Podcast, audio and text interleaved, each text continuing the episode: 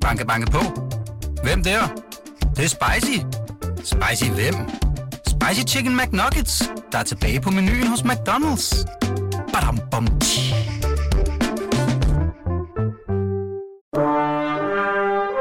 Du lytter til Radio 24 /7. Velkommen til Huxi og det gode gamle folketing med Huxi Bak. Hjertelig god formiddag her fra det gode gamle Folketing, og jeg vil som altid starte med at klære, at klære, at erklære, nu skal vi tale ordentligt her for morgenstunden, mødet for åbnet og byde rigtig hjertelig velkommen til de tre herrer i panelet i dag. Henning Dyrmose, Torben Lund og Kai Stillinger. Alle sammen forhåndværende medlemmer af det, ja, det andet folketing, lad os sige det sådan. For henholdsvis de konservative, Socialdemokraterne og SF. Velkommen de herrer. Øh, nu skal I høre, jeg sad øh, øh, som, som øh, mange andre på den her retsstation, og, og hver morgen så tjekker man lige, og især når det er tirsdag, skulle der måske være udskrevet valg. og det er der ikke, men... Øh, Endnu. Ikke endnu, nej, og det er sådan lidt... Altså, om 47, 97 dage skal det være afholdt. Om 76 dage skal det så være udskrevet. Ja, skal og skal, det er jo sådan lidt en uskreven regel, men de her tre uger plejer man jo lige at få til, øh, til en valgkamp, og alle går lidt op i det. Men det fik mig til at tænke over, om vi lige skulle vende en lille bitte ting til en start, øh, inden vi når til, hvad vi ellers har på tapetet, som er en, en grimmer sag om partistøtte i Venstre. Øh, vi skal tage en ordentlig omgang på Dansk Folkeparti, som har mistet 200.000 vælgere siden, øh, siden sidste valg, og nu er gået på en lidt besynderlig øh, sådan tiggergang hos vælgerne. Det er noget med 17 procent. Hvad det går ud på, det vender vi øh, tilbage til senere. Og så skal vi også tale om regionernes fremtid, og om der kan landes et bredt forlig, og om det, der foregår nu, er sådan en lidt, ja, nærmest ligegyldig øvelse. Men det, vi starter med, er øh, en lille bitte ting omkring det her folketingsvalg, nemlig at det er jo statsministeren, der sidder med den berømte og i øvrigt ikke eksisterende valgknap. Det er ham, som suverænt bestemmer, hvornår der skal være et valg. Han kan bare sige, når han vil, så er der valg. Men øh, det er der nogen, der er lidt træt af. Der var nogle alternativister, som øh, forleden skrev en artikel i, i øh, Fynsstiftidene faktisk, hvor de øh, ligesom argumenterer for, at det her dødvande, vi på en eller anden måde er i, øh, jeg talte også med et par, øh, ingen nævnt, ingen glemt, men der var et par politikere, som var på besøg i vores morgenprogram, og jeg prikkede lige dem på maven og sagde, Nå, men, hvordan går det så? Og de sagde også, jamen, det er også en lidt underlig periode, for de går og vente på det der valg, og der er sådan lidt, som man siger på amerikansk, lame duck over det. Der vi får ikke rigtig noget fra hånden, fordi ingen, ingen ved, hvad der sker, og alle går og venter. Det store spørgsmål, jeg i virkeligheden vil frem til, det er en fast valgdato. Vil det være en god idé? For det er det, de foreslår, de her alternativister. Øh, de har også et par øh, argumenter i forhold til det. Det kan vi lige vende tilbage til. Men sådan helt umiddelbart, Henning Dyrmose, det her med fire år, så ved vi, så kører bussen. Vil, vil det, vil, det vil der ikke, så vil der jo hver eneste valgperiode være en periode, hvor der var lame duck periode det sidste halve år inden det faste valg. Jeg synes, vi har et pragtfuldt system. Mm. Uh, vi har repræsentativt demokrati. Uh, vi har en meget lav spærregrænse på 2 procent. Derfor har vi for øjeblikket ni partier, så befolkningen kan være bredt repræsenteret. Det betyder, at vi altid normalt altid har flere partier i regering, så skal de først blive enige, når de diskuterer tingene. Når de så er blevet enige og lagt tingene frem, så skal de have andre partier med for at få flertal.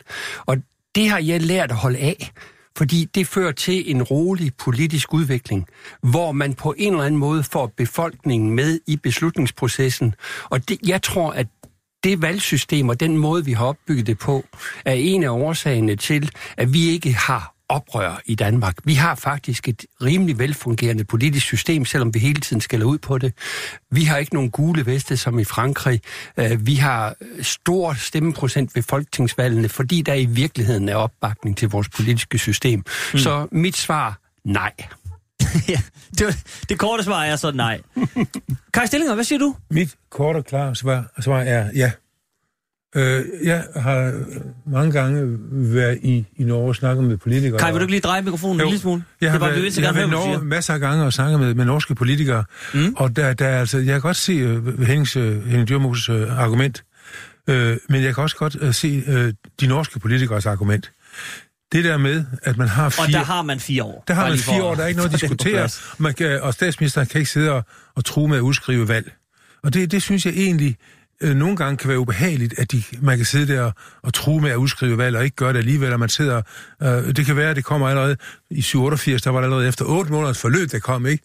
Fordi der var det der atom øh, amerikanske atomskibe. Det var 8 måneder, der gik der, ikke? Og det, det er, det, jeg, jeg synes personligt ikke, det er særlig smart med de der øh, ting der. Og det der med, at stemmeprocenten er, er, er høj i Danmark, jamen, den er lige så høj i Norge. Så det der med de, med de fire år kontra en, en, en, en hvad skal man, tilfældig valgdato, øh, det har ikke noget med stemmeprocenten at gøre. Det, det har noget at gøre med, hvad, hvad, man, øh, hvad, man, hvad ens holdning er. Og jeg tror egentlig, det kunne være meget smart, at man havde en fast fireårsregel, fordi man så måske kunne være så fræk at lave nogle ting, som i starten så lidt ubehageligt ud, men måske på længere sigt vise sig at, at være meget positivt. Men man tør ikke gøre det, fordi man er bange for, at det bliver udskrevet valg, og hvad siger, hvad siger vælgerne så? Så jeg ser noget, noget positivt i, at man har en fast valgperiode. Okay. Det var et ja og et nej. Torben Lund, hvad siger du? Hvis ja, vi får et måske, så... Nej, altså, jeg er nok mere, mest på den konservative side, vil jeg sige. Øhm, nu igen? Ja. Ej, det er nu, det er nu længe siden.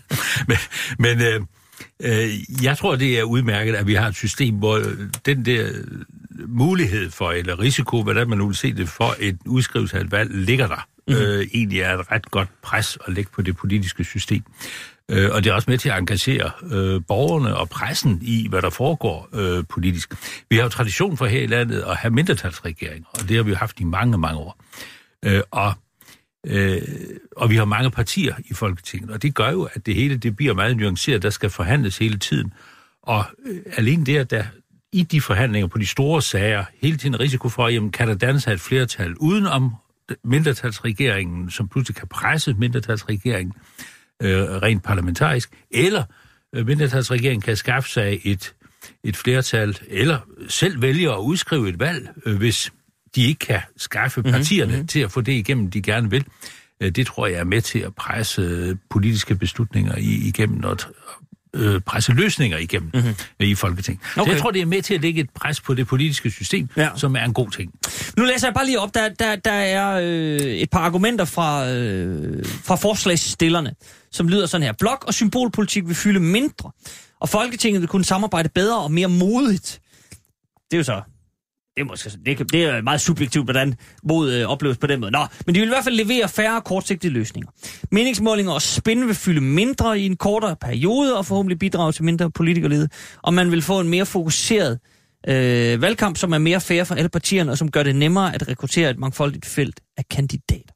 Altså, der er vel et eller andet med, hvis vi, hvis vi bare lige griber fat i en ting, at man med en fast dato, i hvert fald har et håb om, nu sidder jeg her og krydser fingre, det kan lytterne ikke se, men et håb om, at når man ved, hvornår valget skal afholdes, at der ikke sådan går sikkerhedsvalgkamp i den, som, som man jo godt kan sige, der, der, der er gået nu, at man inden jul sådan begynder, Nå, nu må vi skulle lige se, hvornår, hvordan og hvorledes, og så får den ellers gas med kampagner. Men hvis man ved, hvornår det er, at man, skal man sige, gemmer krudtet, Henning Dyrmus, kunne man ikke forestille sig det? Eller Nej, håbe det, på det? Ja, det, man kan godt håbe på det. Øh, jeg kan ikke forestille mig det, fordi jeg vil netop mene, at så går der jo sikkerhedsvalgkamp i det det sidste halve til hele år, inden at man ved, at det faste valg kommer. Det kan man jo se i kommunerne. Øh, og jeg vil sådan set godt tage fast i det, Kaj siger om lige præcis 88-valget, som jeg mener er et af de bedste eksempler på, at et overraskende og pludselig valg førte til en væsentlig forbedring af dansk udenrigs- og sikkerhedspolitik. For vi havde oplevet, at den borgerlige regering kunne føre økonomisk politik med de radikale, men igen og igen og igen i udenrigs- og sikkerhedspolitik var blevet nedstemt af et flertal udenom regeringen. Mm-hmm. Det blev der ryddet op i ved, at der blev taget et plus i valg, hvor man sagde, nu er vores udenrigs- og sikkerhedspolitik og vores tilknytning til NATO er så afgørende, at det vil vi have prøvet det mandat. Og så fik altså Slytter et mandat til at gå videre efter mange forskellige regeringsforhandlinger. Han fik de radikale ind i regeringen i stedet for CD og Kristelig Folkeparti, og dermed blev der igen ro og stabilitet omkring vores udenrigs- og sikkerhedspolitik, også fordi at Socialdemokratiet vendte tilbage fra en kurs, hvor de havde været meget negative til at sige, okay, så går vi ind i det brede flertal igen. Og der mener jeg sådan set, at valget blev brugt til at skabe ro om en meget væsentlig sag, nemlig vores udenrigs- og sikkerhedspolitik og vores NATO-tilknytning. Øh, det synes jeg var rigtig godt. Mm-hmm. Karl Stillinger? Ja, men det kan jeg godt øh, se, det du siger der, Henning, men øh, det, den, den, øh, den, den ro kunne jo sagtens være blevet skabt efter fire års forløb, hvis man havde sat sine synspunkter meget skarpt op og sige, nu er det det valg, det drejer sig om. Øh, og så vil man have skabt det. Det har så bare taget de fire år.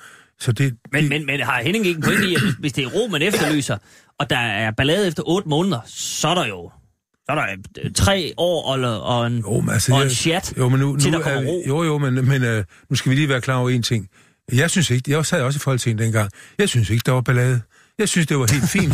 Jeg synes, det er, Ballade er jo også en Ja, subjektiv ja, ting. det er, det er, det er, men det er meget vigtigt, at vi nemlig, det er meget vigtigt, at vi skældner mellem, hvad er ballade? Jeg synes, det var rigtig, rigtig flot, det vi lavede dengang. Nemlig, vi, vi satte øh, regeringen stolen for døren og sagde, at der var nogle ting, vi ikke ville have. Så jeg, jeg, jeg er lidt uenig med Henning i, at, at det, var, det var, da man skabte ro. Nej, men man skabte men, en men ting. bare, bare så lige helt nøgternt, og, ja. Og så behøver man ikke at tage stilling til, om man var, var for eller imod, eller rød eller blå, eller synes, det var ballade eller ej.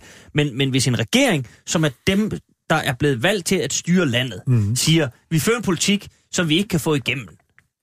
Det kan man vel sådan rimelig nøgternt definere som ballade, og derfor er det vel en ok ting, at man har den, hvad skal man sige, ventil, at den regering så siger, det skal vi altså lige have prøvet, og nu, nu spørger vi dem, der reelt bestemmer, Nej, men det er- vælgerne. Jamen, det er jeg slet ikke enig med dig i, fordi Okay. det, hvis, det havde, hvis, det havde været, hvis det havde været en ordentlig regering, så havde de jo bare sagt, øh, hvis de skulle sidde fire år, nu tager vi bare det som eksempel, så er de jo, så havde, de- hvis det havde været en ordentlig, dygtig, meget dygtig, Slytter var dygtig, absolut, det er slet ikke det, men så har de jo sat sig, ned, sat sig ned og sagt, godt, vi kan ikke få det igennem, fordi vi har mindretal.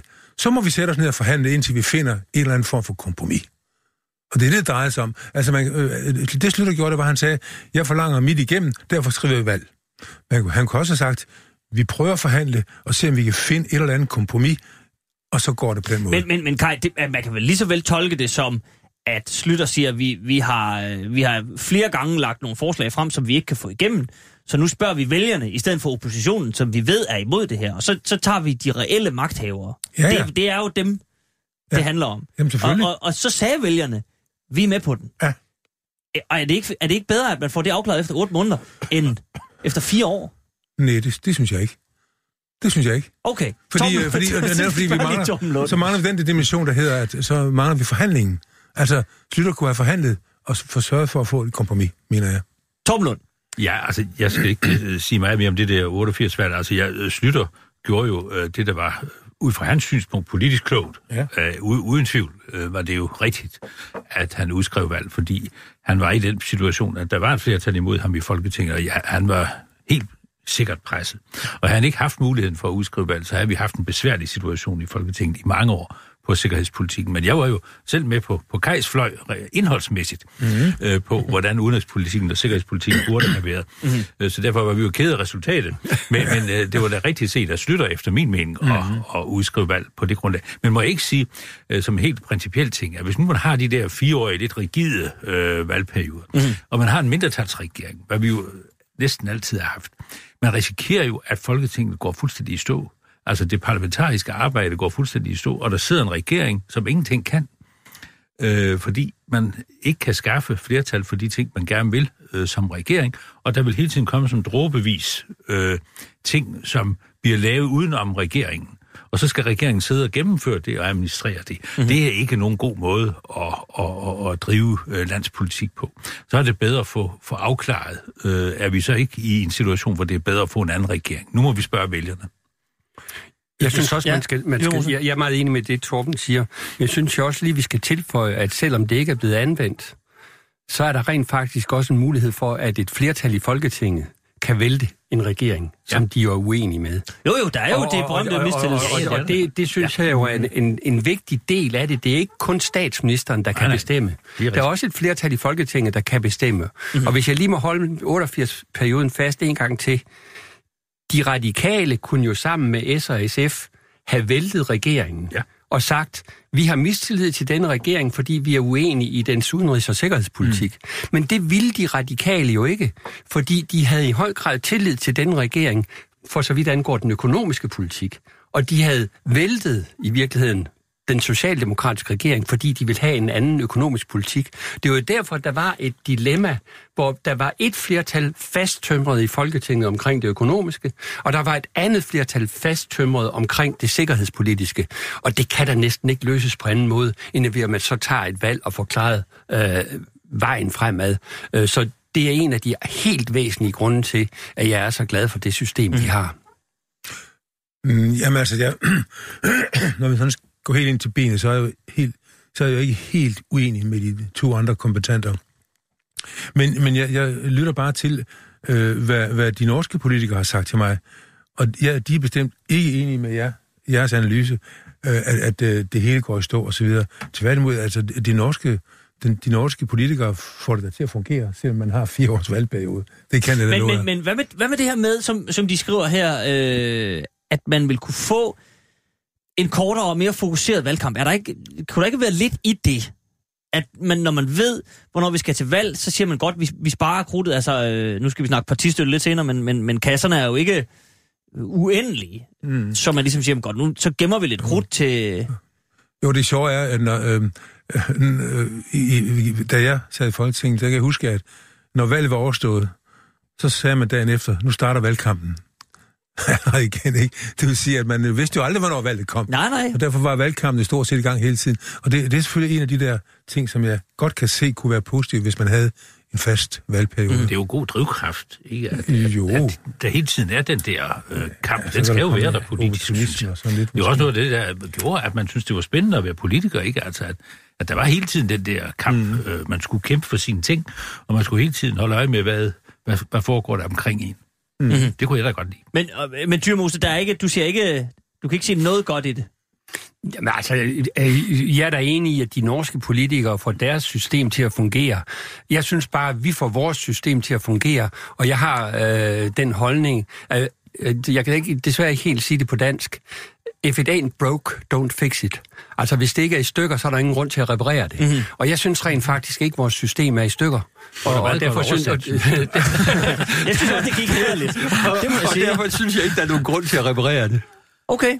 Ej, men jeg, altså, jeg er også personligt enig i, at... Kan at du skal- lidt ved at give dig for den her, kan jeg Jamen mærke? nej, jamen, det, jamen, det er jamen, bestemt. Jeg er jo meget jeg er jo åben og ærligt menneske, og jeg synes det egentlig også, at vores system fungerer rigtig godt i Danmark. Men jeg har bare nævnt det her med Norge, at, at de har sagt til mig, at de synes, det er et fantastisk godt, godt system. Glimrende. Ved I hvad, så skal vi, øh, så lægger vi den til side og siger til, til de gode alternativister, at øh, ja, det bliver, ikke, det bliver ikke vedtaget i det gode gamle folketing, lige pt. i hvert fald. Men øh, til nye lyttere kan jeg da så lige sige, at det her det er Radio 24 /7. Du er øh, dumpet ind i det gode gamle folketing, hvis du lige har tændt din radio nu. Kai Stillinger, Torben Lund og Henning Dyrmose er på besøg. De er alle sammen siddet inde i det andet folketing, for henholdsvis SF, Socialdemokraterne og de konservative. Og de her, nu, øh, nu taler vi om øh, noget, der ikke var broken, så der er ikke nogen grund til at fix it. Men nu kommer vi til noget, som måske er broken, som måske skal fixes. Nemlig øh, reglerne om partistøtte i Danmark. Øh, det er en lidt, lidt spøjs sag. Øh, Venstre i Midtjylland, Region Midtjylland, de, øh, de har fået en dom. De har simpelthen, eller, de har fået en bøde på 10.000 kroner. Øh, fordi det drejer sig om, at, at der har været lidt knas med partistøttemidlerne. Øh, en intern undersøgelse i Venstre viser, at 16 pengeløb, øh, pengeløb, pengebeløb på over 20.000 kroner ikke blev indrettet, indberettet til regionen øh, i perioden 2013 til 2016. Øh, og øh, de fleste af de her penge, det er nogen, der er gået til blandt andet Christian Jensen og Inger Støjberg, Christian Pil Lorentzen og øh, Thomas da- Danielsen. Thomas Danielsen. Det er det, han hedder, ja. Præcis. Øh, og man skal indberette beløb over 20.000 kroner. Det har man altså i hvert fald i 16 tilfælde glemt. Og så er der altså røget en, øh, en bøde afsted på ja, 10.000 kroner. Det kan man så argumentere for, om det er øh, lidt eller meget, eller hvordan og hvorledes. Øh, men sagen er, at reglerne er jo sådan set relativt klare. Alt over 20.000 kroner skal opgives. Færdig arbejde. Det betyder så, at øh, alt under 20.000 kroner ikke skal indberettes. Og så er der så de her, hvad skal man sige, nogen vil sige lyssky, nogen vil sige sådan set fair nok. Øh, det er vel det, vi lige kan, kan tage en lille runde på. At man så kan oprette en erhvervsklub eller et eller andet, hvor man så puller nogle penge ind, og så kan man sådan set øh, give, ja, et ubekendt beløb, fordi hvis det er over 20.000 kroner, så skal, det ikke, så skal det indberettes, men der står bare, at det er en erhvervsklub, der har givet det. Men øh, man kan ikke rigtig se, hvor meget mere end 20.000 kroner, der er blevet givet. Øh, spørgsmålet er så, fungerer systemet helt godt, Torben Lund? Eller kan der rettes lidt op?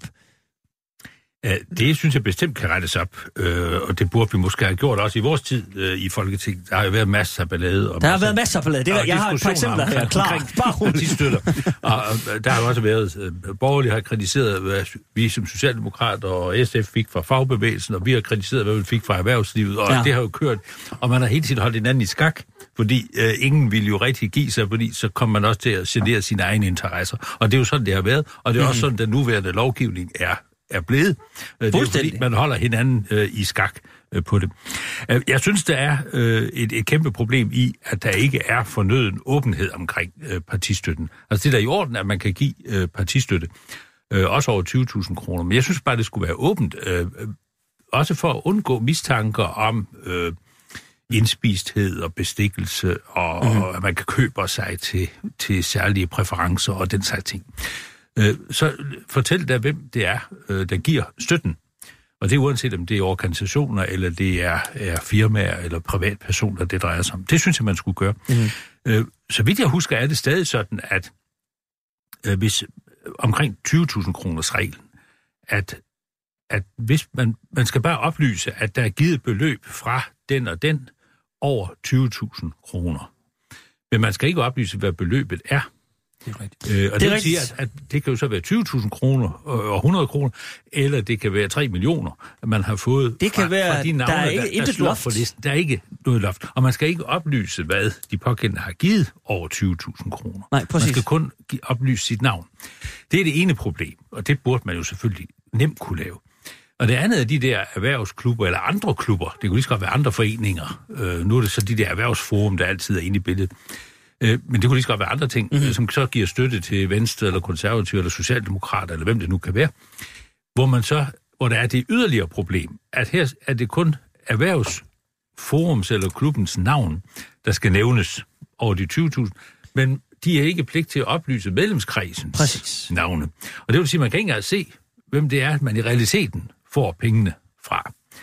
Øh, og det synes jeg er et kæmpe hul øh, i loven. Men det var noget, der blev diskuteret allerede, da man lavede loven om i 2017 øh, i Folketinget, og hvor jo de nuværende, den nuværende regering, de nuværende regeringspartier og Socialdemokraterne var enige om, at det skulle ikke oplyses mm. for offentligheden, hvem der var medlemmer af erhvervsklubben, som gav de der penge. Og skal vi ikke lige og starte- det synes jeg vi- er et kæmpe problem. Ja, det synes jeg bestemt også. Men skal vi lige prøve at tage en runde på, hvorfor det er? Altså, hvorfor man er gået med til, at der... Fordi det, kan- det kan jo vende en lille smule mærkeligt, hvis man sagde, når man så chatbeløb under 20.000, så er ski med, hvem der har givet dem. Men de store beløb, det er jo, det er jo vel i vel, vælgernes og offentlighedens interesse. Ja. Men nu vender det omvendt. Det, det er den del af det, jeg har lidt svært ved at forstå. Men er der nogle argumenter for det, Dyrmus? At, at, at man siger, jamen... Øh, Altså, Hvorfor- det er jo, hvorfor helt, skal det, det er, være det er jo helt åbenlyst, at øh, det populære og det nemme synspunkt, specielt når man er gået af, det er det, Torben har. Øh, jeg har haft øh, fornøjelsen at være formand for det konservative Folkepartis økonomiudvalg. Altså dem, der skulle samle penge ind til det konservative Folkeparti. Og jeg kan godt hilse at sige, at det er i forvejen en meget, meget, meget vanskelig opgave. Fordi der er ikke ret mange virksomheder, der er interesseret i at blive forbundet med et bestemt politisk parti. Specielt ikke, hvis de er i en branche, hvor de har mange kunder. Fordi deres kunder ønsker ikke, at de skal have noget at gøre med et bestemt politisk parti. Og det vil sige, hvis man kommer til de der offentliggørelser, og offentliggørelser af både af navne, hvis det, det, det er dem, der går ind i erhvervsklubben, det er dem, der vil holde det helt skjult, hvem, ja. hvem de støtter. Men så ved partiet det heller ikke. Og det er jo sådan en væsentlig pointe. Partiet ved så heller ikke, hvem der har givet hvad til den erhvervsklub. Og derfor er der ikke nogen sandsynlighed for, at politikerne i det pågældende parti gør noget særligt for at favorisere en bestemt virksomhed, fordi de aner ikke, hvem der støtter dem. Nej, og, det, og, det, og det, holder man, det, jamen, det holder man hele tiden meget adskilt. Og jeg ved godt, jeg har en lidt vanskelig sag for øjeblikket, fordi det er vanskeligt at forsvare fortrolighed.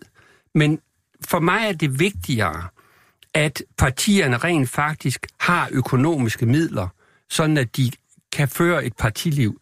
Jeg føler, at vores partier er blevet for små, de er blevet for svage, de har for få medlemmer, og hvis de heller ikke har økonomi, hvordan skal de så få tingene til at køre rundt? Så jeg kan godt forstå, at et bredt forlig mellem Socialdemokratiet på den ene side, og så de borgerlige på den anden side, har ført til de regler, vi har. Øh, og og øh, jeg vil godt være med til at forsvare, at der skal, oplyses, der skal oplyses, hvem der har givet over de 20.000, øh, hvem der har givet det direkte. Og så er det klart, så skal reglerne holdes. Altså, det der, Jo, jo. det der Venstre Men det, har gjort det- over i Region Midtjylland, det er jo simpelthen bare torske dumt, Ja. øh, og som, som, som vel hænger sammen med, at det er en kasserer og en formand, der så i øvrigt er gået af, fordi de har begået den fejl. Korrekt. Øh, at, at, at, at de har ikke brugt nok tid på det, eller ikke været dygtige nok til regnskaberne, og ikke kendt reglerne. De har jo også måttet betale 200.000 tilbage, øh, fordi de... Øh, Man har brugt penge på noget, man ikke At måtte. de brugte offentlige midler på noget, de ikke måtte bruge dem til, så Præcis. videre. Ja. Så der, tyder, der er noget, der tyder på, at den formand og kasserer, en- enten har de haft ond vilje, det ved vi ikke noget om, eller også har de bare været øh, amatører, som har lavet noget i deres fritid, som de ikke har været dygtige nok til at lave. Mm. Og i hvert fald er de gået af. Og jeg synes, det er godt, at man giver en bøde, øh, sådan at det bliver stadfæstet, at reglerne de skal holdes. Mm. Men jeg vil altså også godt forsvare reglerne en lille smule. Nå, men det er godt, og, og så siger jeg bare lige helt kort, der, der, vi behøver ikke tage en runde på, om det er dumt, at de ikke har holdt reglerne. For det, det, det tror jeg, der er bred enighed om her i studiet, at, at det skal man. Men se, øh, det, det er meget interessant det der med kundekredsen hos virksomheder, som, som ikke ønsker, at firmaerne skal øh, blande sig i politik. Og det er meget interessant det her med, at partierne skal have midler. Øh, lad os lige tage en, en, en runde på begge dele. Torben Lund, øh, vi Ja. får lige en kommentar, inden vi... Jeg, jeg har lige øh, tre små Ja, ja, ja. Det kunne jeg nemlig se det på dig. med, Henning, du beskriver det som om, nu er partierne blevet svage, fordi de har færre medlemmer. Det er selvfølgelig en svaghed for partierne, det er helt klart. Men det er jo ikke i den forstand en stærk økonomisk svaghed, fordi partierne har jo selv i Folketinget vedtaget, at de får milliontilskud, mm. som de jo ald- vi jo aldrig fik i 80'erne. Mm. At de får så mange penge fra staten nu til at drive det politiske arbejde, at, at der er jo ikke nogen partier, der kan sige, at de er økonomisk nødlidende øh, uanset om de får private midler eller organisationsmidler, eller hvad de får. Mm. Øh, de får masser af penge øh, fra staten til at, til at drive deres politiske virksomhed. Og så det der med de der erhvervsklubber, øh, at, der, at du siger, at der er den du forsvarer det lidt med at sige, at der er den fidus i det, at partierne og kandidaterne ved jo heller ikke selv, hvem der så har givet øh, hvilke bidrag. Det er nu nok øh, en dristig øh, konklusion. Fordi i mange af de der erhvervsklubber, der sidder politikerne jo selv øh, der sidder masser af politikere rundt i de der erhvervsklubber. Øh, den ene og den anden. Øh, og de ved det selvfølgelig. Øh, hvem Man kan vel, altså, hvem så, og nu ikke for at komme med konspirationsteorier, men, det, men man kan vel lade det sive, hvis man er i en anden sammenhæng hos Dansk Industri eller i et eller andet. og, og det gør og, og, virksomhederne ligesom sige, også. Hvis de det kunne da være, der en tilflød jer Hvis de noget. støtter en kandidat igennem en erhvervsklub, så vil det da være mærkeligt, at virksomheden ikke lader sige til kandidaten, at vi støtter dig, og vi har støttet dig. Det vil da være meget mærkeligt, Det, hvis, hvis virksomheden ikke fortæller det. Jeg ved ikke, om det er sådan i Socialdemokratiet. Det har aldrig været sådan hos de konservative. Nå. Vi har altid holdt det totalt adskilt okay. fra de aktive politikere, hvem der egentlig har givet støtte. Øh, og og, og, og øh, nu er det jo rigtigt, at partierne får væsentligt mere offentlig støtte i dag, men det er jo kun de eksisterende partier, baseret på stemmetallene ved sidste valg. Ja. Mm. Hvis vi for eksempel skal tage nye partier som Liberal Alliance, som, øh, som Alternativet, som Nye, nye, nye Borgerlige osv., altså deres mulighed for at lave et stykke politisk arbejde, er rent faktisk baseret på, mm. at de kan samle nogle private midler, fordi de får ikke nogen offentlige midler. Og selvom jeg er modstander af alle de tre nye partier, øh, og helst vil have, at de ikke eksisterede, øh, så er jeg så demokratisk, at jeg synes, de skal have retten til at skaffe pengene og kunne øh, komme ind og få deres, få deres stemmer. Øh, og, og så, så om erhvervsklubberne.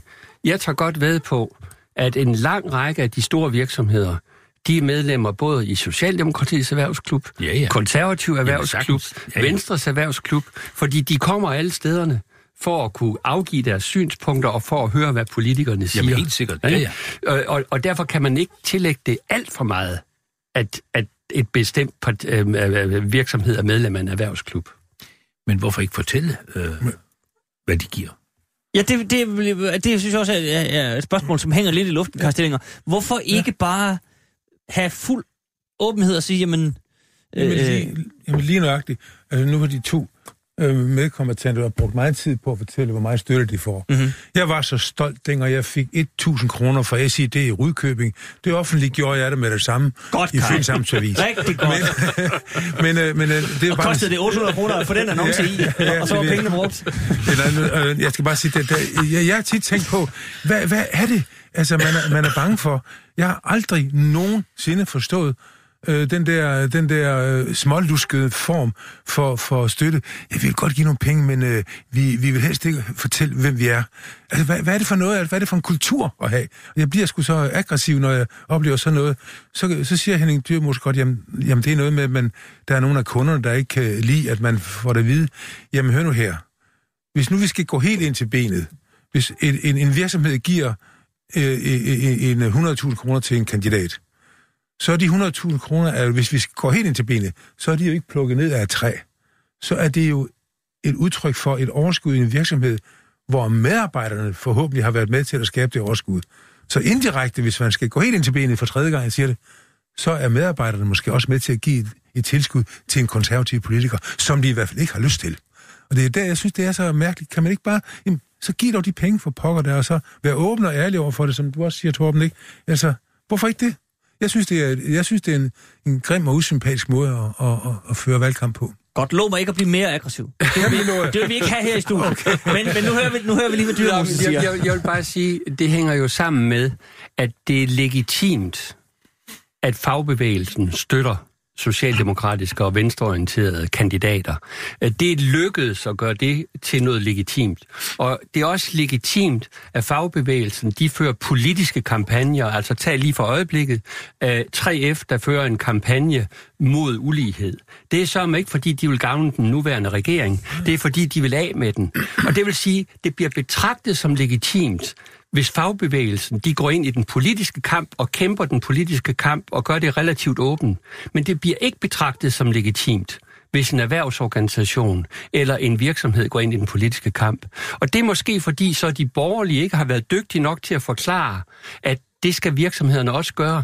Men det er jo blandt andet fordi det, du siger, at medarbejderne bryder sig jo heller ikke nødvendigvis om, at, at deres virksomhed skal støtte de borgerlige. Men hvem er det så, der skal støtte de borgerlige? Vil du have et monopolsystem, hvor det kun er de røde, der kan blive støttet, fordi det er fagbevægelsen, der legitimt kan støtte? Se, det kan gøre mig arg, Kai. Og så kan vi få en rigtig kamp her i studiet om Nej, men det, Hvor er det godt, Torben Lund lige sidder som en, som en buffer i Ja. midten. Torben, Ja, jeg vil, jeg vil sige, at, at det, det er jo ikke et pind bedre i, for, i forhold til fagbevægelse, det vil jeg sige, fordi... det er der også. Altså, jeg kan sige, der er flere lyttere, der skriver ind netop det her med, med, med fagbevægelsens annoncer. Socialdemokratiet har jo ønsker jo heller ikke, at der skal være mere åbenhed omkring øh, de her ting. Og det gør fagbevægelsen garanteret heller ikke. Og har i øvrigt også selv oprettet sådan nogle erhvervs øh, Ja, ja, klubber, masser. Hvor de man kan komme til møder, og det koster Ja, ja, og 15.000 de kroner, så kan man bare komme og sige hej. betaler tusindvis af kroner for at deltage i alt sådan noget. Mhm. Mm-hmm. De der øh, store fagforeningsledere. Øh, så altså, det er jo filtreret ind i hinanden øh, alt sammen, og de har fælles interesser på det på det punkt, for at komme ind og påvirke øh, den politiske beslutningsproces. Men det er jo netop den der påvirkning også, som de jo ønsker øh, gennem det her, de her systemer, øh, som gør, at der jo bør være en vis åbenhed om, øh, hvad er det så, de betaler Ja. for at få den påvirkningsmulighed. Men lad det nu ligge. Så vil jeg sige omkring det med fagbevægelsen, har man, har man ikke lavet det system, sådan husker jeg det, at øh, hvis man så er medlem af en eller anden fagforening, der giver penge til et politisk parti, så kan man meddele, at øh, det, det skal påvirke ens kontingent, så man vil ikke betale mm-hmm. til, til det formål. Mm-hmm. Øh, og det, der kan man komme i en pulje, hvor man ryger ud af det, Og man så, betaler. sådan er det også på erhvervsorganisationens Ja, ja. Og, og det synes jeg er helt fint. Fortælle. Og den anden mulighed er jo, øh, altså man har jo ikke pligt til at være medlem af en fagforening. Altså, jeg mener, man kan jo melde sig ud af fagforeningen, hvis man synes, den øh, handler forkert. Og så kan man melde sig ind i en anden fagforening, som man synes er mere fornuftig, øh, som ikke giver øh, penge til politiske partier. Det, det, det står jo frit for, mm-hmm. øh, for en at gøre det. Må jeg så i øvrigt sige det til med annoncer og sådan noget. Altså fagbevægelsen laver sine annoncer, og det det øh, kan de jo gøre ud, ud fra de politiske øh, ønsker, de har, men det gør dansk industri jo også. Øh, der er jo også annoncer og fra, hvad hedder det, danske erhverv og så videre, de annoncerer jo også ud fra, hvad de synes er, er en god udvikling i, i samfundet.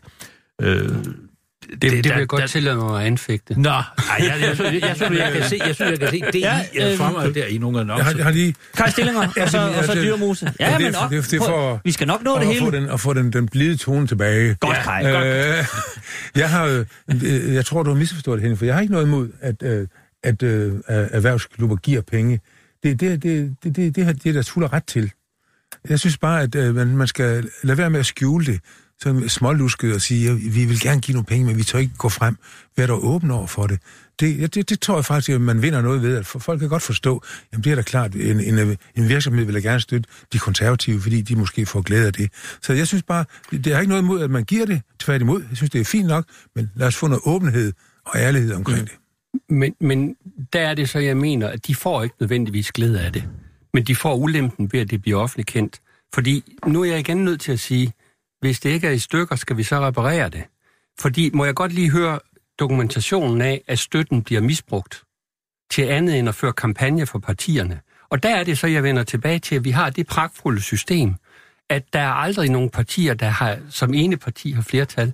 Der er altid flere partier om at danne en regering som regel. Samtidig er der en enkelt parti, der danner regering. Men altid skal de ud og forhandle med nogle andre for at få flertal. Mm. Og det er typisk også, at man skal forhandle på tværs af det, der bliver næsten kaldt midten. Øh, Man skal have Dansk Folkeparti eller Radikale med, hvis man skal have borgerligt flertal. Øh, Og det vil sige, at, at alle øh, støttekronerne bliver efter min mening ikke misbrugt til politisk indflydelse. Jeg kender ikke noget eksempel på, at fagbevægelsen eller en dansk virksomhed kan gå ind og købe sig til en politisk beslutning mm. øh, og, og, og købe sig til et politisk flertal i Folketinget. Og det er igen noget af det, jeg synes, der er godt ved vores system. At, og derfor er jeg ikke så bange for fortroligheden, som I andre er. Men øh, vil, undskyld, vil du gerne have åbenheden så? Altså, hvor, hvad er det så? Nej, jeg, jeg, jeg, jeg, jeg mener, at åbenheden desværre vil, vil skade de borgerlige, øh, fordi øh, at, at virksomhederne har medarbejdere, der kan blive utilfredse med, at de støtter, og virksomhederne har kunder, der kan blive utilfredse med, at de støtter, mens det bliver betragtet som fuldkommen i orden og ok, at fagbevægelsen støtter den modsatte side. Og det, det, øh, det, det er grunden til, at jeg synes, at det er godt nok med Men, noget men, men fortrolighed. Henning, er det ikke sådan... Hvis, Men, hvis vi jamen, lige det tager... bliver jo sagt, hvis man giver over de 20.000. Det er jo, det er jo åbent, ikke? Jo, semi-åbent, ikke? Så, så kan der komme en erhvervsklub, hvor man ikke Ja. skal rigtig... Men, men igen, Nå, nå, nå, men så som- går ind og analyserer partiregnskaberne. Det, der kommer fra de der meget omtalte erhvervsklubber, det er ikke ret meget. Øh, Nå, men vi ved jo ikke, hvor meget. Det er jo Nej, det, det, er men, men, det, der er men, problemet. men, men, men, men det er ikke ret meget. Men det, men det siger du jo kun baseret på din egen Det erfaring. baserer jeg, ja, og... og Så er der øh, otte andre baseret- partier, og vi ja, ved baseret ikke, på min hvad egen erfaring, dengang mit parti var noget større end i dag.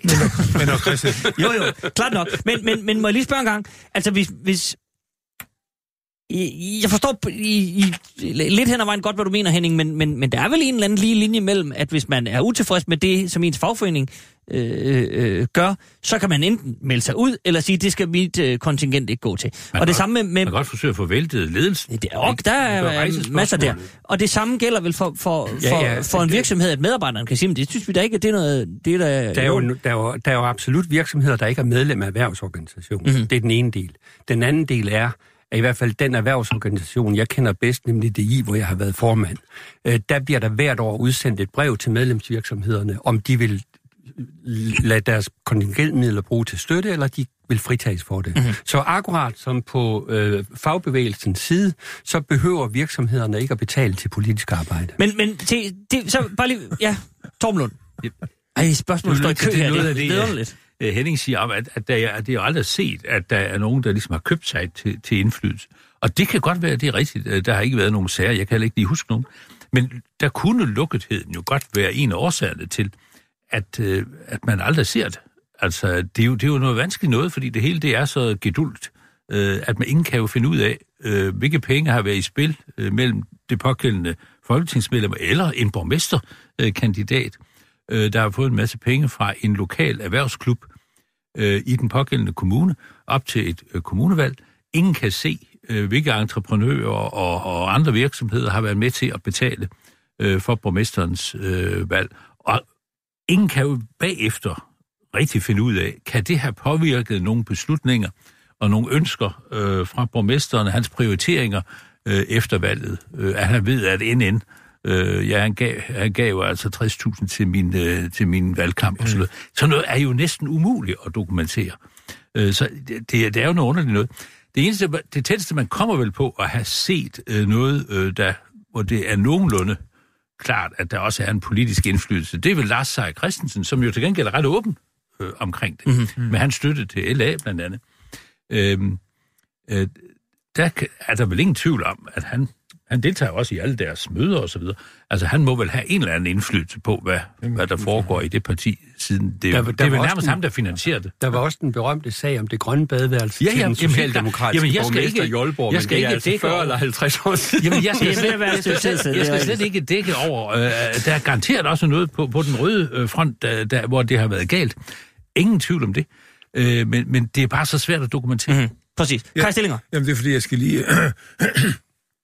jeg skal lige brokke mig over Henning Dyrmos ty, dy, tu, tudefjæs. Så nu, Øh, jeg nu har, det- jeg har sagt, at vi skal passe på det- stemningen, Jamen, det, det, er, det er positivt ment, men det er fordi, øh, Okay. Henning Dyrmose øh, sagde for lidt siden, jamen, altså, vi er, jo, vi er meget afhængige af, at man får noget øh, partistøtte for at give partiforeningen liv, sagde du. Og for et minut siden sagde du, at den støtte, vi får fra, fra, fra erhvervsklubber, den er meget, meget lille.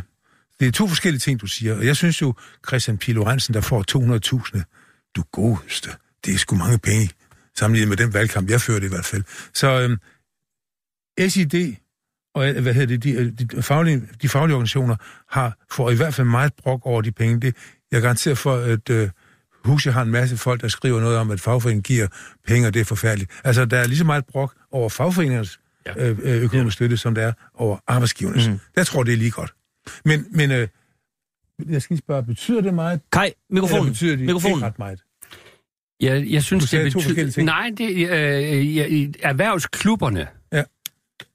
der er min erfaring, at bidraget fra erhvervsklubberne er relativt lille sammenholdt med i dag den offentlige støtte, og også mm. den egentlige støtte fra erhvervsorganisationer. Øh, øh, det, det, det er min erfaring. Øh, men det ændrer ikke på, at den samlede private støtte, mener jeg, er afgørende for, at de borgerlige partier, de også kan have noget modvægt i forhold til den støtte, fagbevægelsen giver på den anden side. Men, men må jeg så stille et spørgsmål her? Fordi hvis man skulle ligesom øh, øh skære alle over i en kamp og sige, nu, nu prøver vi lige at gøre det på en anden måde, som udrydder hele det her øh, lidt uigennemsigtige, så siger vi, der er ingen bidrag udefra. Til gengæld øh, spytter vi mere i kassen, og så er der ligesom bare øh, fordelt på øh, mandater og så videre, så får man penge inden fra borgen. Så sidder, øh, ja, jeg ved ikke, om det skal være præsidiet, det kan, det kan vi altid finde ud af, men nogen sidder på en pengekasse derinde, og partierne får penge derindefra, alt andet, slut færdig. Hvad så med de nye partier? Ja, det er Hvad så med de nye Jamen, partier? de, når man de kommer ind og, får, og har nogle Jamen, de, mandater, de, de, hvor de kommer jo aldrig ind, så. Hvis, Altså, ikke, hende hvis, der- hvis, ikke, han- hvis ikke de kan føre en kampagne for at komme ind, hvordan, så får man, skal, de, hvordan lad- skal de så komme ind? Jamen, Så så, lad der os sige, så lad os sige, at der er et grundbeløb, når man har indsamlet sine 20.000 stemmer. Så Claus Risker siger, nå, så røg jeg over 20.000. Så får han en pose penge til at føre sin valgkamp for. De kan løse på den måde, selvfølgelig. Ja, det, Jeg er helt uenig i løsningsmodellen, vil jeg bare sige. Men den er Ja, ikke ja. helt dårlig. Ja, det synes formanden, og det har formanden jo lov til at synes. Øh, det, det, det, Godt, det, men, men så, så lad mig stille dig. Godt, så, hvis, hvis vi ikke øh, skal have, jeg godt mærke, at det ikke nødvendigvis bliver købt ind på den, men så med det eksisterende system, så øh, sker der jo det, at der er nogle sanktionsmuligheder. Det her det er første gang mm. nogensinde, der er blevet givet en bøde. Og der har været mange sager, hvor folk har været inde og se på, at det ser lidt mærkeligt ud, og hvad, hvad med det her, husk lige, og så videre, så videre, så videre. Problemet er, sådan som jeg ser det, at det er et tillidssystem. Mm. Der er ingen kontrol med det er der da. indberetningen. Det er der da. Det, der, er der, der, der bliver lavet regnskab, det bliver anført Jo, jo, i ja, nå, regnskaberne. jamen, det er. Regnskaberne skal afleveres til regionen, øh, og det bliver kontrolleret af regionen. Og, og nu hvor der så er blevet anmeldt en tvivl om, om de var rigtig regnskab, så er der heldigvis blevet undersøgt sagen, og så bliver der Men, givet men en der, bøde. der går jo lang tid, og uh, altså, det her med, om Ja, ja, pengene men- bliver brugt inden for samme år osv. Altså, Det- skal man, det- når man, skal det- man ikke det- have et, et, kontro, et kontrolorgan, som er dedikeret til det? Og ligesom sige, prøv lige at lad Ej, lige... hør nu her, Al- altså hvor mange kontrolorganer skal vi bygge op? Altså der bliver afgivet et regnskab. Så mange, som det er nødvendigt, Men, men, mennesker, som går ind i et frivilligt arbejde for et parti, bliver formand og kasserer. De afleverer et regnskab. Der er valgt en revision. Både kasseren og formanden og revisionen skal stå inden for det, de gør rigtigt.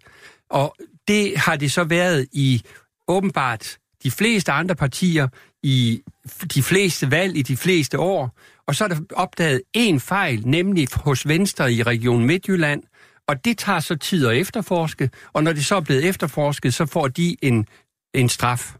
Øh, og inden da, at de fire politikere, som du startede med at nævne, de er jo blevet straffet, fordi det er jo blevet offentligt omtalt ja. gennem længere tid, mm. at den her sag er blevet politi- politianmeldt. Og det er en stor belastning for en folkevalgt politiker, der garanteret ikke har haft det fjerneste med det her at gøre, fordi det overlader kloge politikere faktisk til deres medlemsorganisationer og stå for alt det der, netop for at ikke komme i fedtefadet. Men de er alligevel de fire kommet i fedtefadet, øh, fordi det er blevet offentligt kendt, at de har fået tilskud, som de ikke skulle have haft. Så det er også en stor straf, at de er kommet i fedtefadet. Jo, Så, jo, men så altså, jeg, det er jeg, jeg, jeg, synes, jeg synes, det er fint, der bliver straffet, men sådan er det jo med hele vores strafsystem, at regnskaberne for 17 bliver først indleveret i 18, og hvis der så er sket noget fusk, så opdager man det i løbet af 18 eller 19. Og så tager det et stykke tid for politiet at efterforske det. Så er vi fremme i 19 eller 20. Og det er jo det, der er sket her. Der er lavet nogle fejl fra 2013 til 2016, og nu er der kommet en bøde i 19. Det er helt naturligt, øh, at det tager sin tid. Men der er et kontrolsystem, så, så, så det mener jeg ikke, vi har brug for Men flere. det, jeg, jeg synes, at det, det er meget sjovt, det du siger der, Henning, fordi øhm, øh, hvis du nævner det der med, at, at, og det er jeg enig med dig i, at der er jo øhm, øh, sådan kasserer, skal, der skal revideres og alt muligt andet, ikke? Men, men øh, det betyder vel egentlig, at hvis det er tilfældet, som du siger, det er jo rigtigt, også, så er der andre end kassereren, der har haft problemer med, med, med det. Der må være mere end en, der ved, at der er noget, der er sket, som ikke er helt lovligt. Det må være revisoren, som også har, har fingre i noget, og det kan være andre. Men i hvert fald, det er ikke kun en, det er ikke kun kasseren. Der må være andre, der ved det siden, at det er blevet revideret, det er blevet godkendt, det er indsendt. Ikke også? Det, jo, og det er jo derfor både kasseren og formanden er gået af. Ja. Så der, er- Øh, det er jo flere. Det er så rigtigt. Der er to, der er gået af. Ja, ja. Kasseren og formanden er begge to gået af. Hvad med revisoren? De, revisoren, det er jo ikke sikkert, at re- revisoren har opdaget. Nej, ikke. Men det, det, rent faktisk, det er jo mm. også en frivillig revisor. Det er jo ikke en statsautoriseret revisor nødvendigvis. Det er en frivillig revisor, øh, der måske øh, ikke har overvældende grundlag for at være revisor. Øh, Der skal man huske, at revisor er en fri titel, Ja. ja. medmindre man er statsautoriseret. Som jeg er selv revisor Ja, ja. i både lav. Ja, ja, i både lav. Der kan du bare se. Og hvordan står det egentlig til med det både lav? Det går fantastisk. Ja, Og, okay. og hvis, hvis nu kasseren ikke har skrevet det, Mm. og formanden heller ikke har sagt, hov, det har du glemt at skrive, øh, så har den stakkels revisor ikke så stor mulighed for at opdage det. Godt. Torben Lund skal lige have ordet. Jeg kan sige, det, det bliver nævnt, altså øh, også for, for dig, Henning, at du ligesom siger, at der er et kontrolsystem. At der er ingen offentlig kontrol med de indberetninger, øh, der kommer. Man lægger til grund, hvad det er, man får, og der er ingen, der tjekker op på, om det, der er indberettet, er rigtigt eller ikke rigtigt. Man noterer sig bare, hvad man har fået. Mhm. Mm-hmm. I Norge har det er man du- noget, man kalder et partilovsnævn, som simpelthen går ind og Mhm. tjekker, er det her rigtigt. Øh, I Sverige har man noget, når jeg lige noterede det ned, som hedder et partibidragsnævn, altså svarer til det, man har i Norge, som også er en kontrolinstans, der kun har den opgave at gå ind og tjekke, om de indberetninger, der er kommet fra øh, partierne, om den støtte, de har fået til det ene og det andet, om den er rigtig. Øh, men sådan et har vi ikke her. Altså, man har helt bevidst ikke lavet et, et øh, kontrolsystem. Og det er rigtigt, som formanden siger, vi må ikke diskutere med formanden, det ved vi. Det er rigtigt. Det er både, det er både, ikke her i huset. ja, ej, men der vil jeg gerne sige, bare føre til protokol, så denne formand er lidt man må mere lempelig Jeg må jo godt udtrykke, at formanden har sagt det helt rigtigt, at det bygger på tillid, øh, Ja, det her ja, system, øh, og ikke på kontrol. Og det er selvfølgelig, synes jeg, også et problem. At Men, men ville det ikke være i alles interesse, Henning, at, at få... Og jeg ved godt, at øh, øh, bare Ja, fordi vi laver et kontrolorgan, betyder det ikke, at vi hermed vedtager, at alt skal Og, og, kontrolleres. og hvordan skulle et partibidragsnævn have opdaget, at en kasserer i Region Midtjylland har lavet en fejl i 2016? Jeg tror, at vi vil i givet fald lave kæmpe kontrolinstans, mere offentlig byråkrati, mere offentlig kontrol, i stedet for at have et tillidsbaseret system, hvor man så, når man opdager et fejl, så slår man ned, og man giver dem en bøde. Øh, ja, ja, ja, men det er, det er nok noget holdningsmæssigt. Jeg synes, der bliver opbygget alt for mange offentlige byråkratier øh, til at løse problemer, som ikke er ret store. Det, hvis, hvis nu det her det var tilfældet i seks partier i alle regioner øh, hele tiden, så var det klart, så skulle vi have øh, gjort noget ved det, fordi så var det virkelig galt. Men altså, venner, der er et parti i en region for tre år siden, der har begået en fejl. Og skal vi lave et stort Okay, kontrolorgan for øjeblik. det? Lund, Nixon, du, Bixen. du får, ja, en kort kommentar, så har jeg lige et indspark. Et parti, der er blevet opdaget, fordi der er nogen udefra, der har gjort opmærksom på, at der er noget galt her. Og så opdagede man, mm. at der var noget galt. Og ind, der blev indgivet en politianmeldelse, og så undersøgte politiet, ja. om der mm-hmm. var noget galt her. Men det var nogen udefra, øh, der kom og gjorde opmærksom på det. Så vidt jeg husker, var det faktisk et radikalt regionsrådsmedlem, Det er korrekt. der rejste øh, sagen. Men, Og det er men fint. altså, jeg, jeg synes ikke, man skal være så nervøs for kontrolorganer, heller ikke, når det er noget med Folketingets egen og partiernes egen forvaltning af penge. Altså, Folketinget laver kontrolorganer for alt mellem himmel og jord. Vi bliver kontrolleret i hoved og røv hele tiden. Øh, for alt, både virksomheder og private borgere. Ligegyldigt hvad pokker vi foretager, så er der kontrol øh, på tingene. Øh, og hvorfor er det lige nøjagtigt øh, støtte til partierne, som ikke skal kontrolleres? Det kan jeg simpelthen ikke forstå.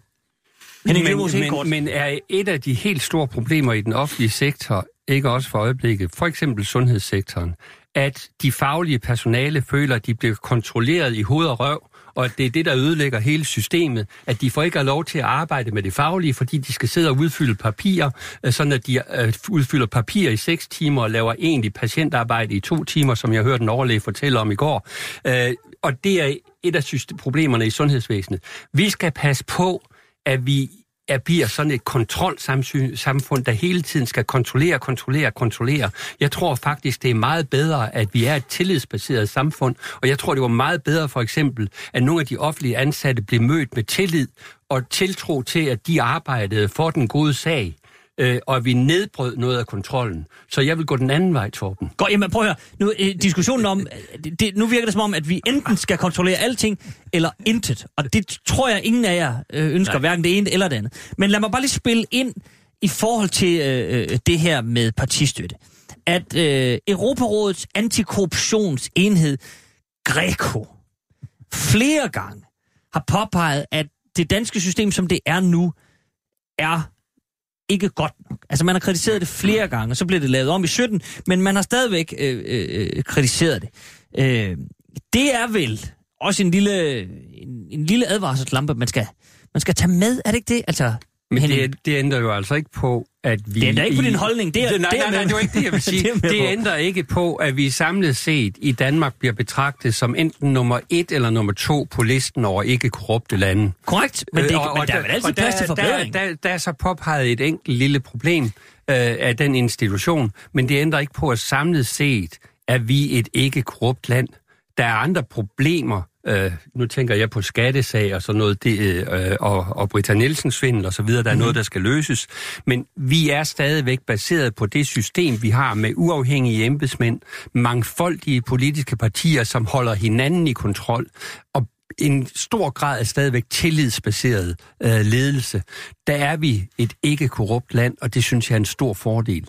Så jeg kæmper lidt for at bevare vores system, og det er jo sådan set, fordi jeg er konservativ, og derfor går ind for, at vi skal kun, hvis vi skal, for, hvis det- vi skal det lave noget Henning. nyt, så skal det, fordi det skal være bedre. vi skal rigtigt. ikke lave noget nyt bare for, at, for at det- bevare. Det ikke- for at bevare. Jeg noterer lige Henning Dyrmose, konservativ. Ja, Der er, ikke, der er altså ikke udskrevet valg endnu. Tom Lund, Ja, værsgo.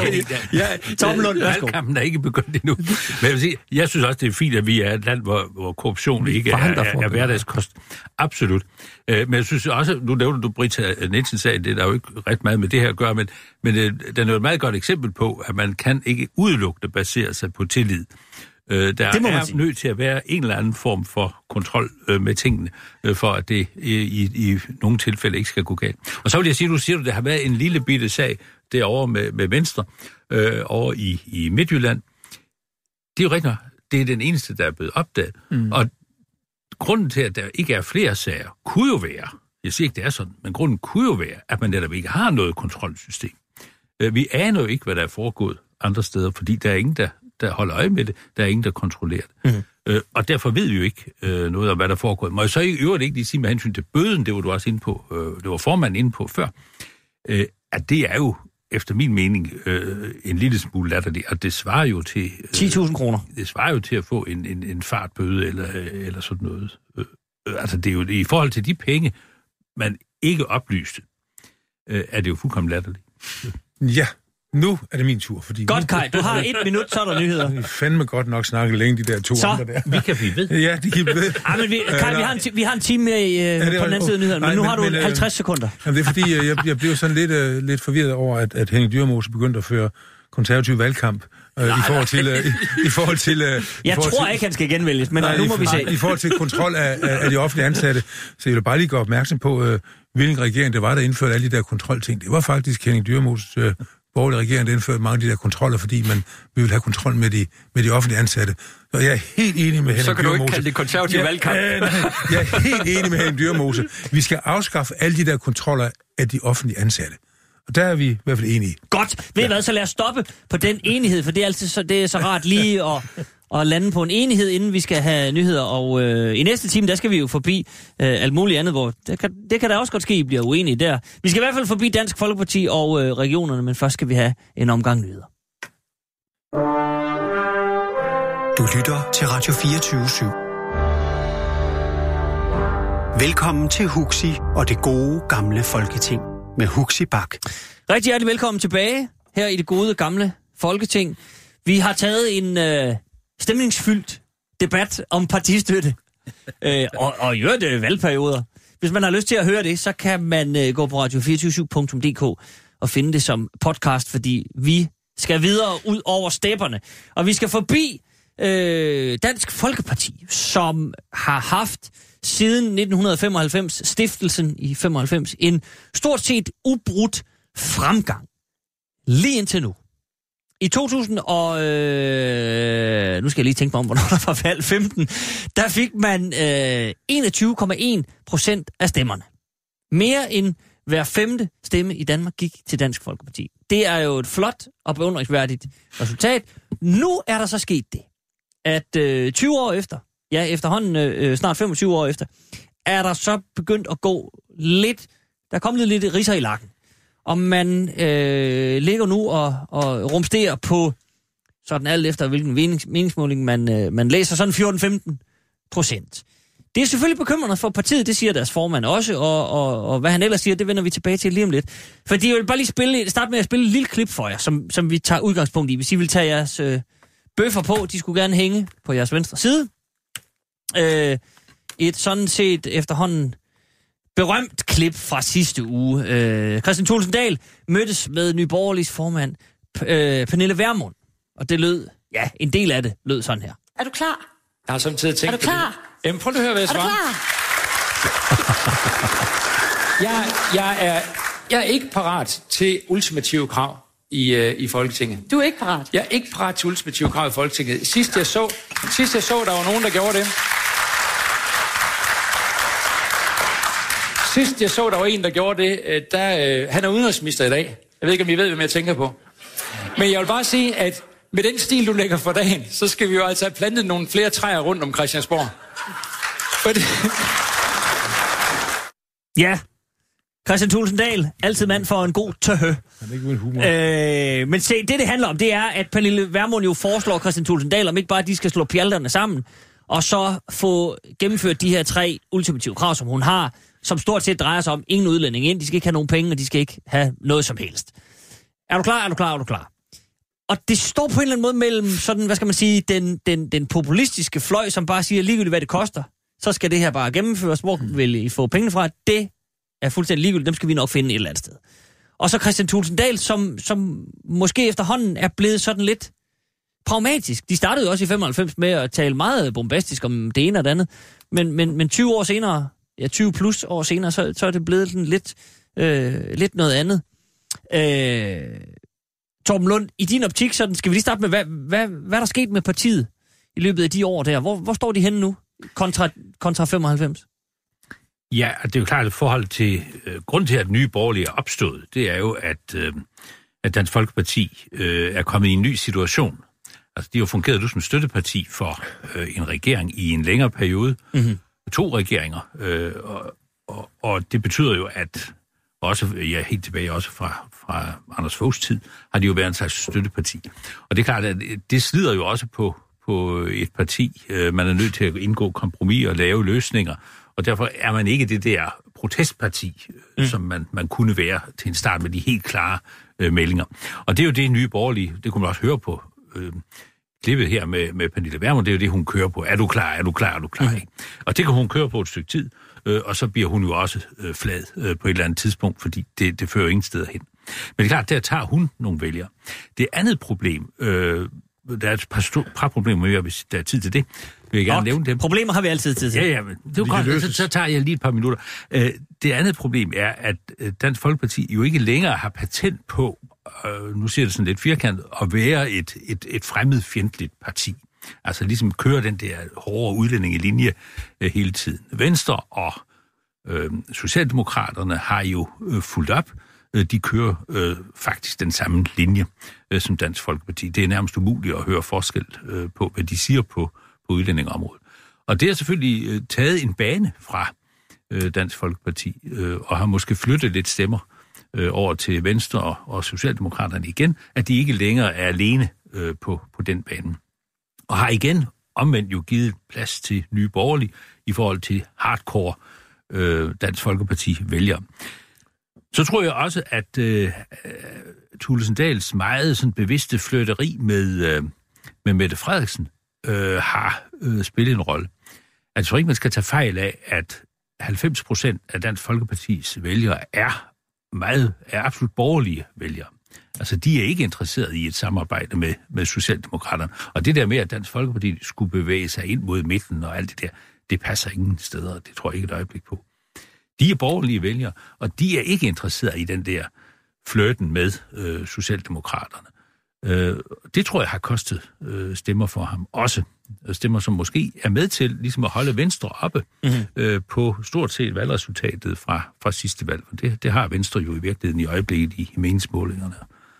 Der var en øh, med den der dobbeltrolle, som Tulsendal har, har indtaget, øh, hvor han gerne vil være øh, med et ben i, i hver lejr. Der var en, der udtrykte det på den måde, at når man gør det, så risikerer man jo at blive sparket i skridt. det, var, det var jo et udmærket udtryk, og det er måske virkelig det, uh, Tulsendal her uh, er lidt ude i i øjeblikket, at, at han, han risikerer det. Uh, jeg, jeg, jeg noterede det i hvert fald. Ja. Jeg synes, det var en meget rammende udtryk. Jamen, det der, det der billede, det, det, flot billedsprog på mange måder. Fin Jeg, jeg metafor. bare sagt, bukserne ja. revner måske. Så jeg synes jeg da, hvis jeg må sige yderligere et par ting.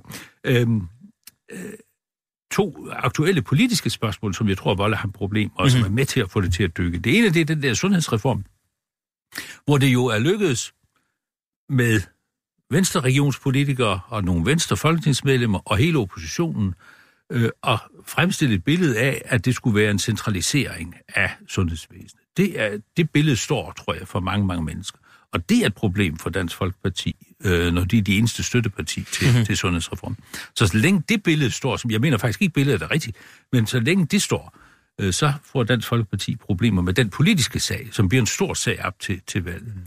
Og endelig, så har Mette Frederiksen jo spillet ud med det der forslag om at lave en, nogle, et retligt øh, bestemmelse af, at nogen skal have lov til at gå på folkepension øh, noget før. Hvem det er, det kan vi ikke rigtig finde ud af. Øh, er, det efter, Men det er nogen, der er nedslidt i hvert fald. det er nogen, der er og- nedslidt, Ja. men efter hvor mange år, og, og hvor meget det skal være i nedslag osv., hvem skal det være? Mm. Øh, det er der ingen, der ved, og hun vil jo ikke svare på det. Øh, men det er en sag, som er øm for Dansk Folkeparti, fordi de jo meget gerne vil føre, øh, eller stå som et ældrevenligt øh, parti og føre ældrepolitik. Mm-hmm. Det kan man så diskutere, om de har gjort, men, men det er i hvert fald det billede, de gerne vil have. Mm-hmm. Og derfor er den sag også lidt øm for ham. Mm. Så han har sådan set mange ting, som har voldt ham problemer, synes jeg, i, i et stykke tid. Okay. Der skal jeg nok tige stille. Kai Stillinger, du må gerne, øh, håber jeg da, byde ind jo, jo. senere. Vi har trods alt tre kvarter tilbage. Ja, ja. Ja, Kai Stillinger, øh, øh, hør ja. lige en gang. I forhold til, til, øh, til Dansk Folkeparti, og det her med at stå en, en, med et ben i hver lejr, og så mm. det, det for, ja, nu sidder vi fire mænd her, nok lidt smertelige billede af at blive sparket i skridtet. Øh, er, er, er det Pernille Vermund, der er den, den, øh, den, der fører støvlen her, eller, eller er der andre, der, er hun det største problem for ham lige nu? Øh, nej, både, nej det, er, det, det synes jeg egentlig ikke, hun er. Altså, jeg vil, jeg vil også hellere bruge et andet udtryk. Hvis man står med et ben i hver lejr, så kan det være, at bukserne revner. Det, mm-hmm. lyder, det lyder pænere. Men det tror jeg, nej, men hør nu her, det tror jeg, det tror jeg ikke, hun er. Jeg tror, øh, problemet øh, for Dansk Folkeparti, for ligesom at supplere det, som Torben har sagt. Jeg har i hvert fald to andre ting, som jeg godt vil pege på. Det, det, det er mange ting åbenbart, som er galt med Dansk Folkeparti. Men det ene, det er, at han jo, når man, når man ser ham, jeg så ham øh, noget af udsendelsen, indtil jeg ikke kunne holde ud mere, der står han jo bare og ligner en ganske almindelig, øh, klam levebrødspolitiker, som, som så mange andre, som er, er, er en ligegyldig mand, som jo bare øh, forsvarer alt det her, som, som øh, mange folk ikke bryder sig om i virkeligheden. Så det, det er den ene ting. Han, står, han fremstår som en ganske almindelig levebrødspolitiker, mm-hmm. som alle de andre. Der er ikke noget protest over ham mere. Han er bare ligesom så mange andre, som man heller ikke bryder sig om. Det er den ene ting. Og så den anden ting, det er, at jeg tror efterhånden, at mange vælgere har fundet ud af, at Dansk Folkeparti er ekstremt utroværdige. De er ikke til at stole på. Det tror jeg, mange vælgere tænker. Jeg tænker på, at når man for eksempel skulle slås for forbedrede muligheder for, for, for, øh, for eksempel for lønmodtagere, jamen, så har man ikke 90 mandater, så jammerede man sig og så videre. På den anden side, man sprang på med det samme, da man gjorde forholdet dårligere for dagpengemodtagere, for bistandsmodtagere. Så kan man godt springe til. Så jeg mener, at øh, de fremstår som et parti, som har skadet ganske almindelige lønmodtagere. Men vil gerne fremstå som den store redningsplanke. Og det er de ikke mere, og det tror jeg, mange, mange vælgere har fundet ud af. Okay. Henning Dyrmose. Jamen, jeg synes øh, øh, sådan set, at øh, både Torben og Kai øh, har mange fornuftige analyser af, øh, hvorfor det sker. Øh, jeg tror, den største fjende øh, er hans egen politik i forhold til Mette Frederiksen. Mm. Fordi det, at han har legitimeret, at Mette Frederiksen fører en udlændingepolitik, som han i virkeligheden kan skrive under på. Vi skulle altså huske, at når han i 1, 5, 7, 9 og 15 kunne sikre borgerlig regering, så er det fordi, han havde en udlændingepolitik, som appellerede til mange socialdemokratiske vælgere, og derfor gik de over til de borgerlige og stemte på Dansk Folkeparti, der så støttede en borgerlig regering. Nu har Mette Frederiksen tydeligvis skiftet udlændingepolitik, Mm-hmm. og hun har også sagt, at det vil hun ikke samarbejde med sine støttepartier om. Det vil hun ikke samarbejde med Radikale, SF, Enhedslisten og Alternativ om. Nej, der vil hun basere sig på, at hun har et flertal sammen med Dansk Folkeparti mm. og Venstre. Og det er Tulsendal sagt. Det vil han holde hende op på. Det er troværdigt. Så han har totalt legitimeret mm. den, det skift i udlændingepolitik, og at folk kan tro på, at den bliver videreført. Det er den ene ting. Den anden ting er så, at han, selvom han støtter en venstreledet regering, en borgerlig regering, så har han sammen med Mette Frederiksen blokeret for, at den borgerlige regering kan lave borgerlig politik. Han har blokeret for skattelettelser, han har blokeret for øh, pensionsforlængelser osv., og han har stået sammen med Mette Frederiksen og blokeret for det. Hvis han alligevel skal føre socialdemokratisk politik, så kan man jo lige så godt stemme på Socialdemokratiet. Og derfor ser man, at, vælgerne, de ryger. De, jeg tror, der er lidt flere end øh, 90 eller 10 procent af dem, der er socialdemokrater. Jeg tror måske nærmere, at det er 70 procent borgerlige og 30 procent socialdemokrater. Og de 30 procent, der var socialdemokrater, de rød tilbage til Socialdemokratiet. Og de socialdemokrater, der er utilfredse med Socialdemokratiets udlændingepolitik, de er gået videre til Venstre, enten til de radikale, eller til SF, eller mm. til enhedslisten.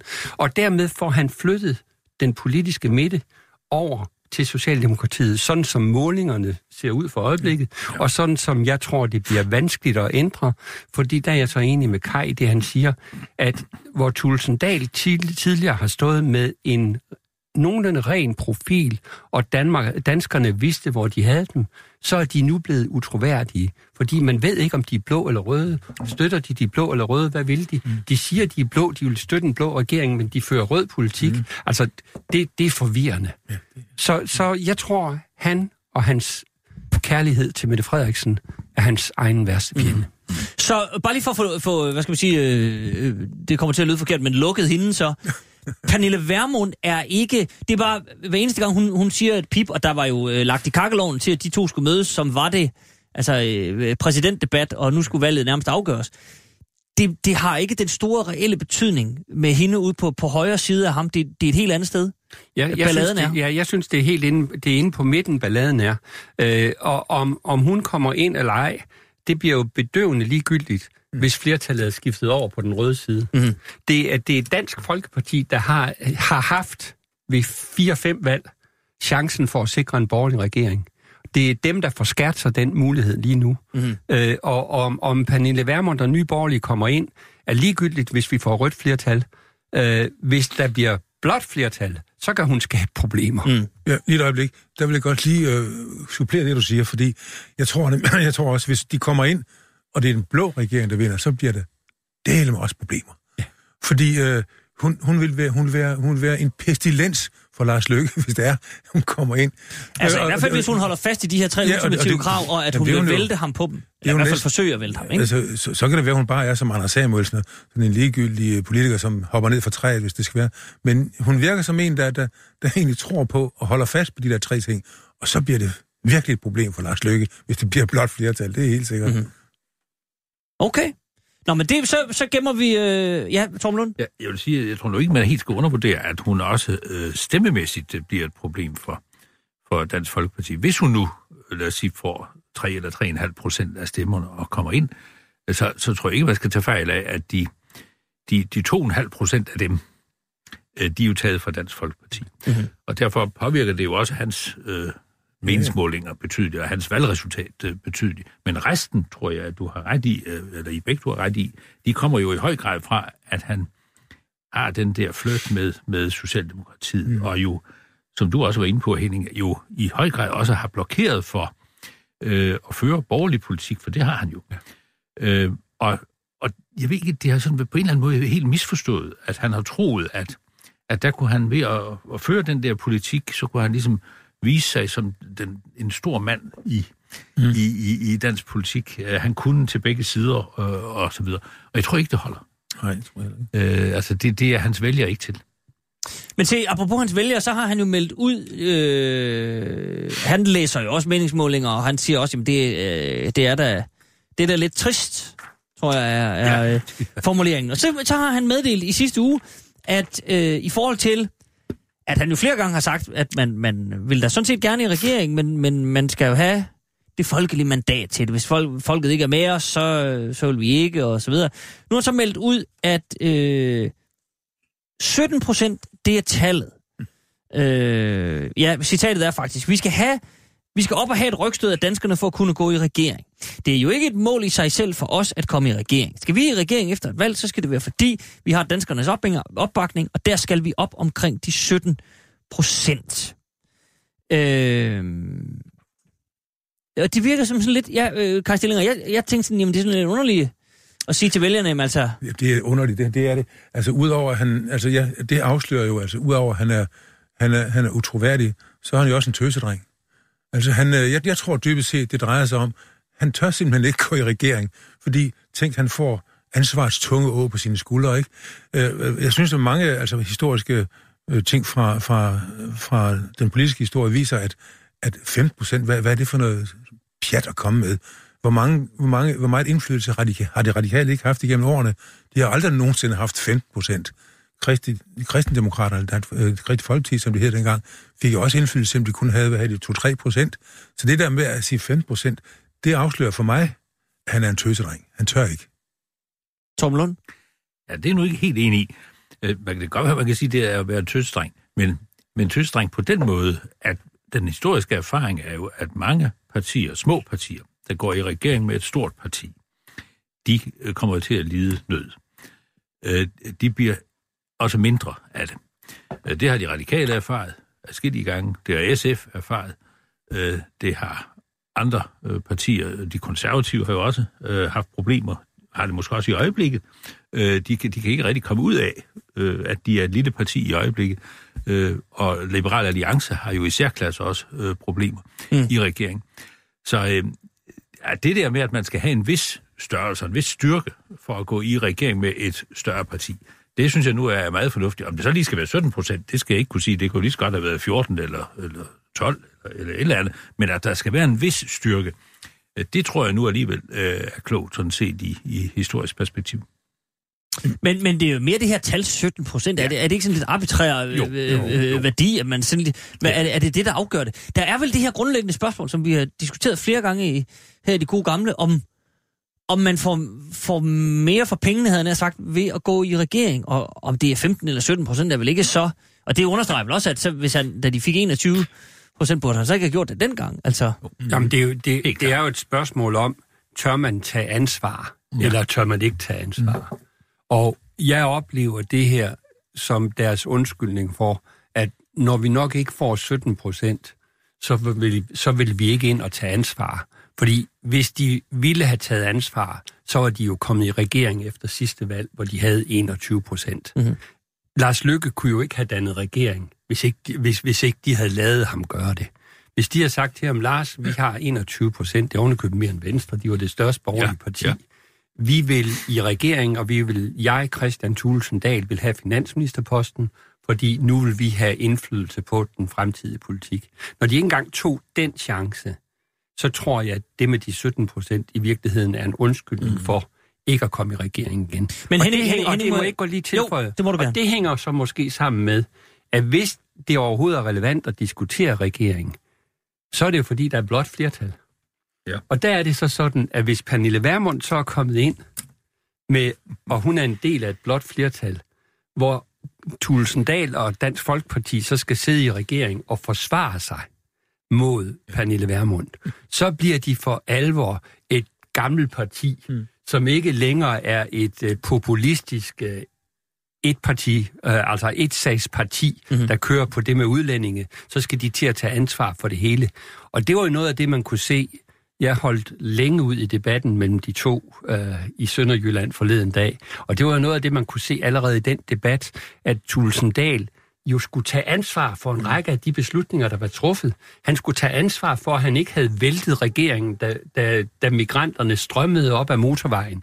Og han havde virkelig vanskeligt ved at håndtere det der med ansvaret for øh, det, der rent faktisk var gennemført. Fordi han har hele tiden været vant til, det det, han er blevet stor på gennem alle valgene, øh, at bare protestere mod det, der skete. Mm-hmm.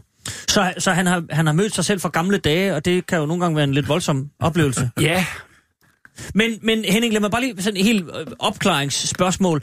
Øh, du siger det her med, at, at øh, tilbage i, øh, i 15, man havde de her 21,1 procent.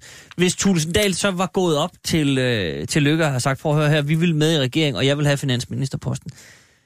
Hvis han havde sagt det så lige ud af posen, havde Lykke så, øh, hvad skal man sige, fungerer det sådan øh, øh per uskrevne regler osv., havde, havde Lykke så måtte æde den, efter min bedste vurdering, ja, men det skulle være sagt til Lykke direkte personligt. Det er klart. Ikke, ikke, ikke, ikke noget med den offentlige debat. Nej, nej, nej, det er ikke noget, der bliver ikke noget meddelt med, over- ulti, ikke noget med ultimative krav. Slet ikke. Det- i det er et møde, hvor man går op, og Det de to være, siger- Det, det, det ville være helt naturligt, at øh, Venstres statsministerkandidat, som er blevet mindre i det tilfælde, mm-hmm. end det ja. borgerlige parti, der skal Ja. støtte ham, at de to tager en tomandssnak om, hvordan håndterer vi den her situation. Og i sådan en tomandssnak, hvis Tulsendal der har sagt til Lars Lykke, Lars, vi vil i regering. Vi har 21 procent af stemmerne nu. Vi er klar til at tage ansvar. Jamen, så er det klart, så var de kommet i regeringen. Mm-hmm. Er I enige i det? Ja, ja, fuldstændig. De kunne det egentlig også, de kunne også have gjort det dengang, øh, der var øh, rokader her for, for et, år- godt og vel et års tid siden. Der kunne de også have taget ansvar jo. Det, det gjorde de jo heller ikke. Dengang man fik øh, Liberale Alliance og, og de konservative med. Er det vist mere end et år siden? Ja, Lad- det er- lad- det er lad nu sådan det- ja, ja. par år siden. Par år siden, ikke? Øh, okay, nå, men det er jo interessant, fordi det, det, det, nu må vi se, hvad der sker, men altså... Ja. Meningsmålinger er jo ikke til det, kan man sige, Nej. lige nu. Så der, der var også en lille, altså der er jo valgrygter hele tiden, men der var der nogen, der sagde, at det godt kunne være i dag, men jeg tror, ja, jeg har ikke hørt noget. Nej. Men, men, men Torben havde fat i en ting før, som jeg egentlig, egentlig også godt vil kom, kommentere på. At de har jo heller ikke taget ansvar, for eksempel i sygehus- eller i sundhedsdebatten. Nej. Øh, der har regeringen lagt et udspil frem, der i høj grad var tilrettelagt for, at Dansk Folkeparti skulle være med. Men da det så lykkedes, fordi regeringen, synes jeg, nølede alt for længe med at komme med sit udspil, så lykkedes det oppositionen at få prædik- givet det prædikat, decentralisering, decentralisering, og det blev meget troværdigt, da så region, Venstres regionspolitikere og øh, nogle Venstre folketingsmedlemmer, de gik ud og sagde, decentralisering, decentralisering. Ja. Da så forslaget blev fremlagt, der var Thulesen Dahl jo totalt usynlig. Der var han jo ikke ude, altså politik drejer sig også om at lede. Politik drejer sig om at sige, at det her det er noget, vi kæmper for, fordi vi mener, det er rigtigt. Og der var han jo slet ikke ude for at kæmpe for, at det sundhedsforslag ikke var centralisering. Jo, det er det på nogle få områder, men det er meget mere decentralisering. Hvor var han hen i den debat for at skabe den folkelige opbakning til, at man kunne komme igennem med reformen? Og i virkeligheden, hvis man havde kunnet køre den debat, have skabt grundlag for, at Alternativet havde turet gå med ind i noget, hvor der var borgerindflydelse og mere lokal demokrati, øh, der var han jo også fraværende. Og det igen, synes jeg, er et eksempel på, at Dansk Folkeparti tør ikke tage ansvar. Så nu bevæger vi os øh, lige så stille i faktisk øh, ind på næste punkt på min dagsorden, nemlig øh, den her regionsdebat. Så lad os bare gøre det lige så stille. Så når jeg bare lige, inden vi øh, tager helt fat på det, og sige til lytterne, at hvis man lige har tændt sin radio, så er det Radio 24 du er på. Kai Stillinger, Torben Lund og Henning Dyrmose er på besøg her i det gode gamle Folketing. Henholdsvis øh, SF'er, Socialdemokrat og konservativ. I hvert fald tidligere. Jeg ved, Torben Lund, du har jo... Hvordan er det nu? Har, du- har du meldt dig ud? Jeg er en fri fugl, ja. Du er en fri fugl. Ja. Men altså, du har tidligere du har siddet inde for sosserne. Nej, jeg har ikke siddet inde. På, på den gode... På, den- på den... På den Jeg har besøgt, jeg har besøgt mange fængsler, Ja. men jeg har ikke siddet inde. Det er godt. Godt. Så er, der styr, så er der styr på det. Men se, jeg, jeg vil nemlig gerne vende det her med, med øh, regionens, regionernes skæbne mm. med jer også, og hele, hele sundhedsreformen. Fordi, øh, som Henning lige var inde på, så var Alternativet den, de eneste tilbageværende fra, ja, de vil jo ikke selv betegnes som, som rød blok, de vil gerne betegnes som, som øh, grøn blok, men, men i hvert fald en anden blok end, øh, en blå blok. Og øh, de, melder sig, de melder sig så ud af forhandlingerne. Undskyld, jeg skal, der er sådan et nys på vej. som lige sidder. Jeg tror ikke, det kommer. Vi kører.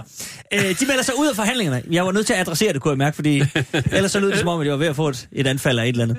Nå, de melder sig ud af, af øh, forhandlingerne forleden, fordi som, som øh, Uffe Elbæk sagde, de kunne ikke øh, forandre det til noget bedre. Der, der var ikke rigtig noget at komme efter. De har siddet der længe, og det vil ikke blive bedre, og det vil ikke blive billigere, og det vil ikke blive mere demokratisk.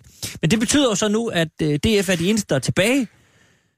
Og så får man ikke det her store brede forlig.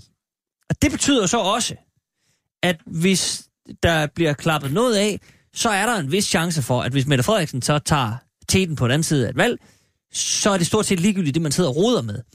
Øh, og Henning Dyrmose, ligegyldigt om man er for eller imod, så er det vel en, en, en ikke så god, sådan for os alle sammen situation, det her med sådan nogle underlige kortsigtede, så laver man en eller anden løsning, ikke bliver til noget, og så snart der har været valgt, så river man det hele fra hinanden og begynder forfra. Øh, Nej, Er det- derfor, er det ikke derfor, lidt- der, derfor ville det have været så utrolig vigtigt, hvis Alternativet havde været med. Og derfor er det også helt åbenlyst, at regeringen og Dansk Folkeparti ville være gået meget, meget langt i retning af at give Alternativet indflydelse på, hvordan man kunne sikre i den model uden regioner, at der kom noget reel borgerindflydelse ude omkring i de lokale områder. Og det vil sige, at Alternativet kunne for første gang have fået et egentligt politisk resultat, baseret på deres politiske tænkning om mere direkte borgerindflydelse og, og mere direkte indflydelse for det enkelte menneske i forhold til sin egen situation. Det turde de så ikke af en eller anden grund. Øh, og, og det er ærgerligt for, for, øh, for forlidet, fordi øh, nu kan man sådan set lige så godt lade være med at lave det, efter min mening. Øh, fordi øh, det er ikke, folketingsvalget bliver ikke en afstemning for eller mod sundhedsreformen. Mm. Og der er i virkeligheden en risiko, synes jeg, forbundet med, hvis man laver en reform, eller laver en aftale nu, hvor man så siger, at den er man nødt til at sige nej til efter et valg, hvis der kommer et øh, flertal med Mette Frederiksen i spidsen. Fordi sådan som jeg har forstået forhandlingerne, så har alle partier, også Socialdemokratiet, sagt, der er et behov for en reform af sundhedssystemet. Mm. Mhm. Der er et behov for at få mere nærhed. Der er behov, behov for at få mindre kontrol. Øh, der er behov for mange ændringer. Man har bare ikke vil støtte den model, som regeringen lagde frem. Så nu, nu, nu vil jeg egentlig Jeg tror ikke, de gør det desværre. Jeg tror ikke, de følger mit, synes jeg, fremragende råd. Jeg vil lægge den til side, og så sige, nu må den sag, der er så vigtig for hele vores befolkning, den må vente til efter folketingsvalget, og så må vi have en efter, et, et forsøg på at lave en stor, bred løsning, fordi sundhedsområdet fortjener en stor, øh, bred løsning, mm. og befolkningen fortjener, at vi får en bred løsning på området. Men Henning, skyldes det ikke også, at jeg, jeg forstår øh, fuldstændig, hvad du siger, men der vil jo utvivlsomt, i hvert fald fra oppositionen, blive malet et billede af, hvis, hvis Lars Lykke siger, vi opgiver simpelthen den her sundhedsreform nu, øh, og så kan han jo sige alle de, alle de fine øh, ord, du siger nu, men det vil vel blive tolket, ikke mindst hos oppositionen, som et tegn på, at den siddende regering kan simpelthen ikke finde ud af at få, Ja. få øh, forhandlet noget på plads og... Og- på sundhedsområdet. Og, og altså, det er vel, om ikke selvmord, så tæt på selvmord. Nej, det er ikke nødvendigvis Og tæt ud på og selvmord, men, men det er årsagen til, at jeg siger, at de nok ikke følger mit gode råd. Ja, okay. Og, Så- så er og vi det nogenlunde på linje, tror jeg. Og, og det er jo så, fordi jeg sådan set føler, at borgerne, landet er vigtigere end regeringen, Ja. og regeringen er vigtigere end hvert parti i regeringen, og et hvert parti øh, hver, hver parti i regeringen er mere vigtigere end de enkelte medlemmer af den pågældende Mhm. regering. Men, men Henning, tror du, du, du tror ikke, den kan... Nu vil jeg ikke bruge ordet spindes, fordi det skal man ikke, men den, kan, den, kan den afleveres sådan, at Lars Lykke går ud og holder en dundertaler, og han er jo faktisk en glimrende taler, og siger, vi kan simpelthen ikke, øh, der har ikke været opbakning til den her ellers glimrende plan, vi skal have renset luften, apropos hvad vi talte om i første time. Og, og det her, det er grunden til, at vi udskriver et valg, fordi det her, det er vigtigt. Han ved jo enormt meget om det her sundhedsområde. Det er, han, ja. det er hans hjemmebane. Og siger, det er det her, vi går til valg på. Vi, vi, vi skal have øh, flere varme hænder osv. osv., osv. Men- Og, men- og sal, brug, altså, kan få det vendt til en salgsplatform. Det er lykkedes at gøre det til en diskussion om centralisering. Mm. Det lykkedes at gøre en, til, det til en diskussion om regionsstrukturen. At Den sag kan ikke vindes, den er ikke folkelig.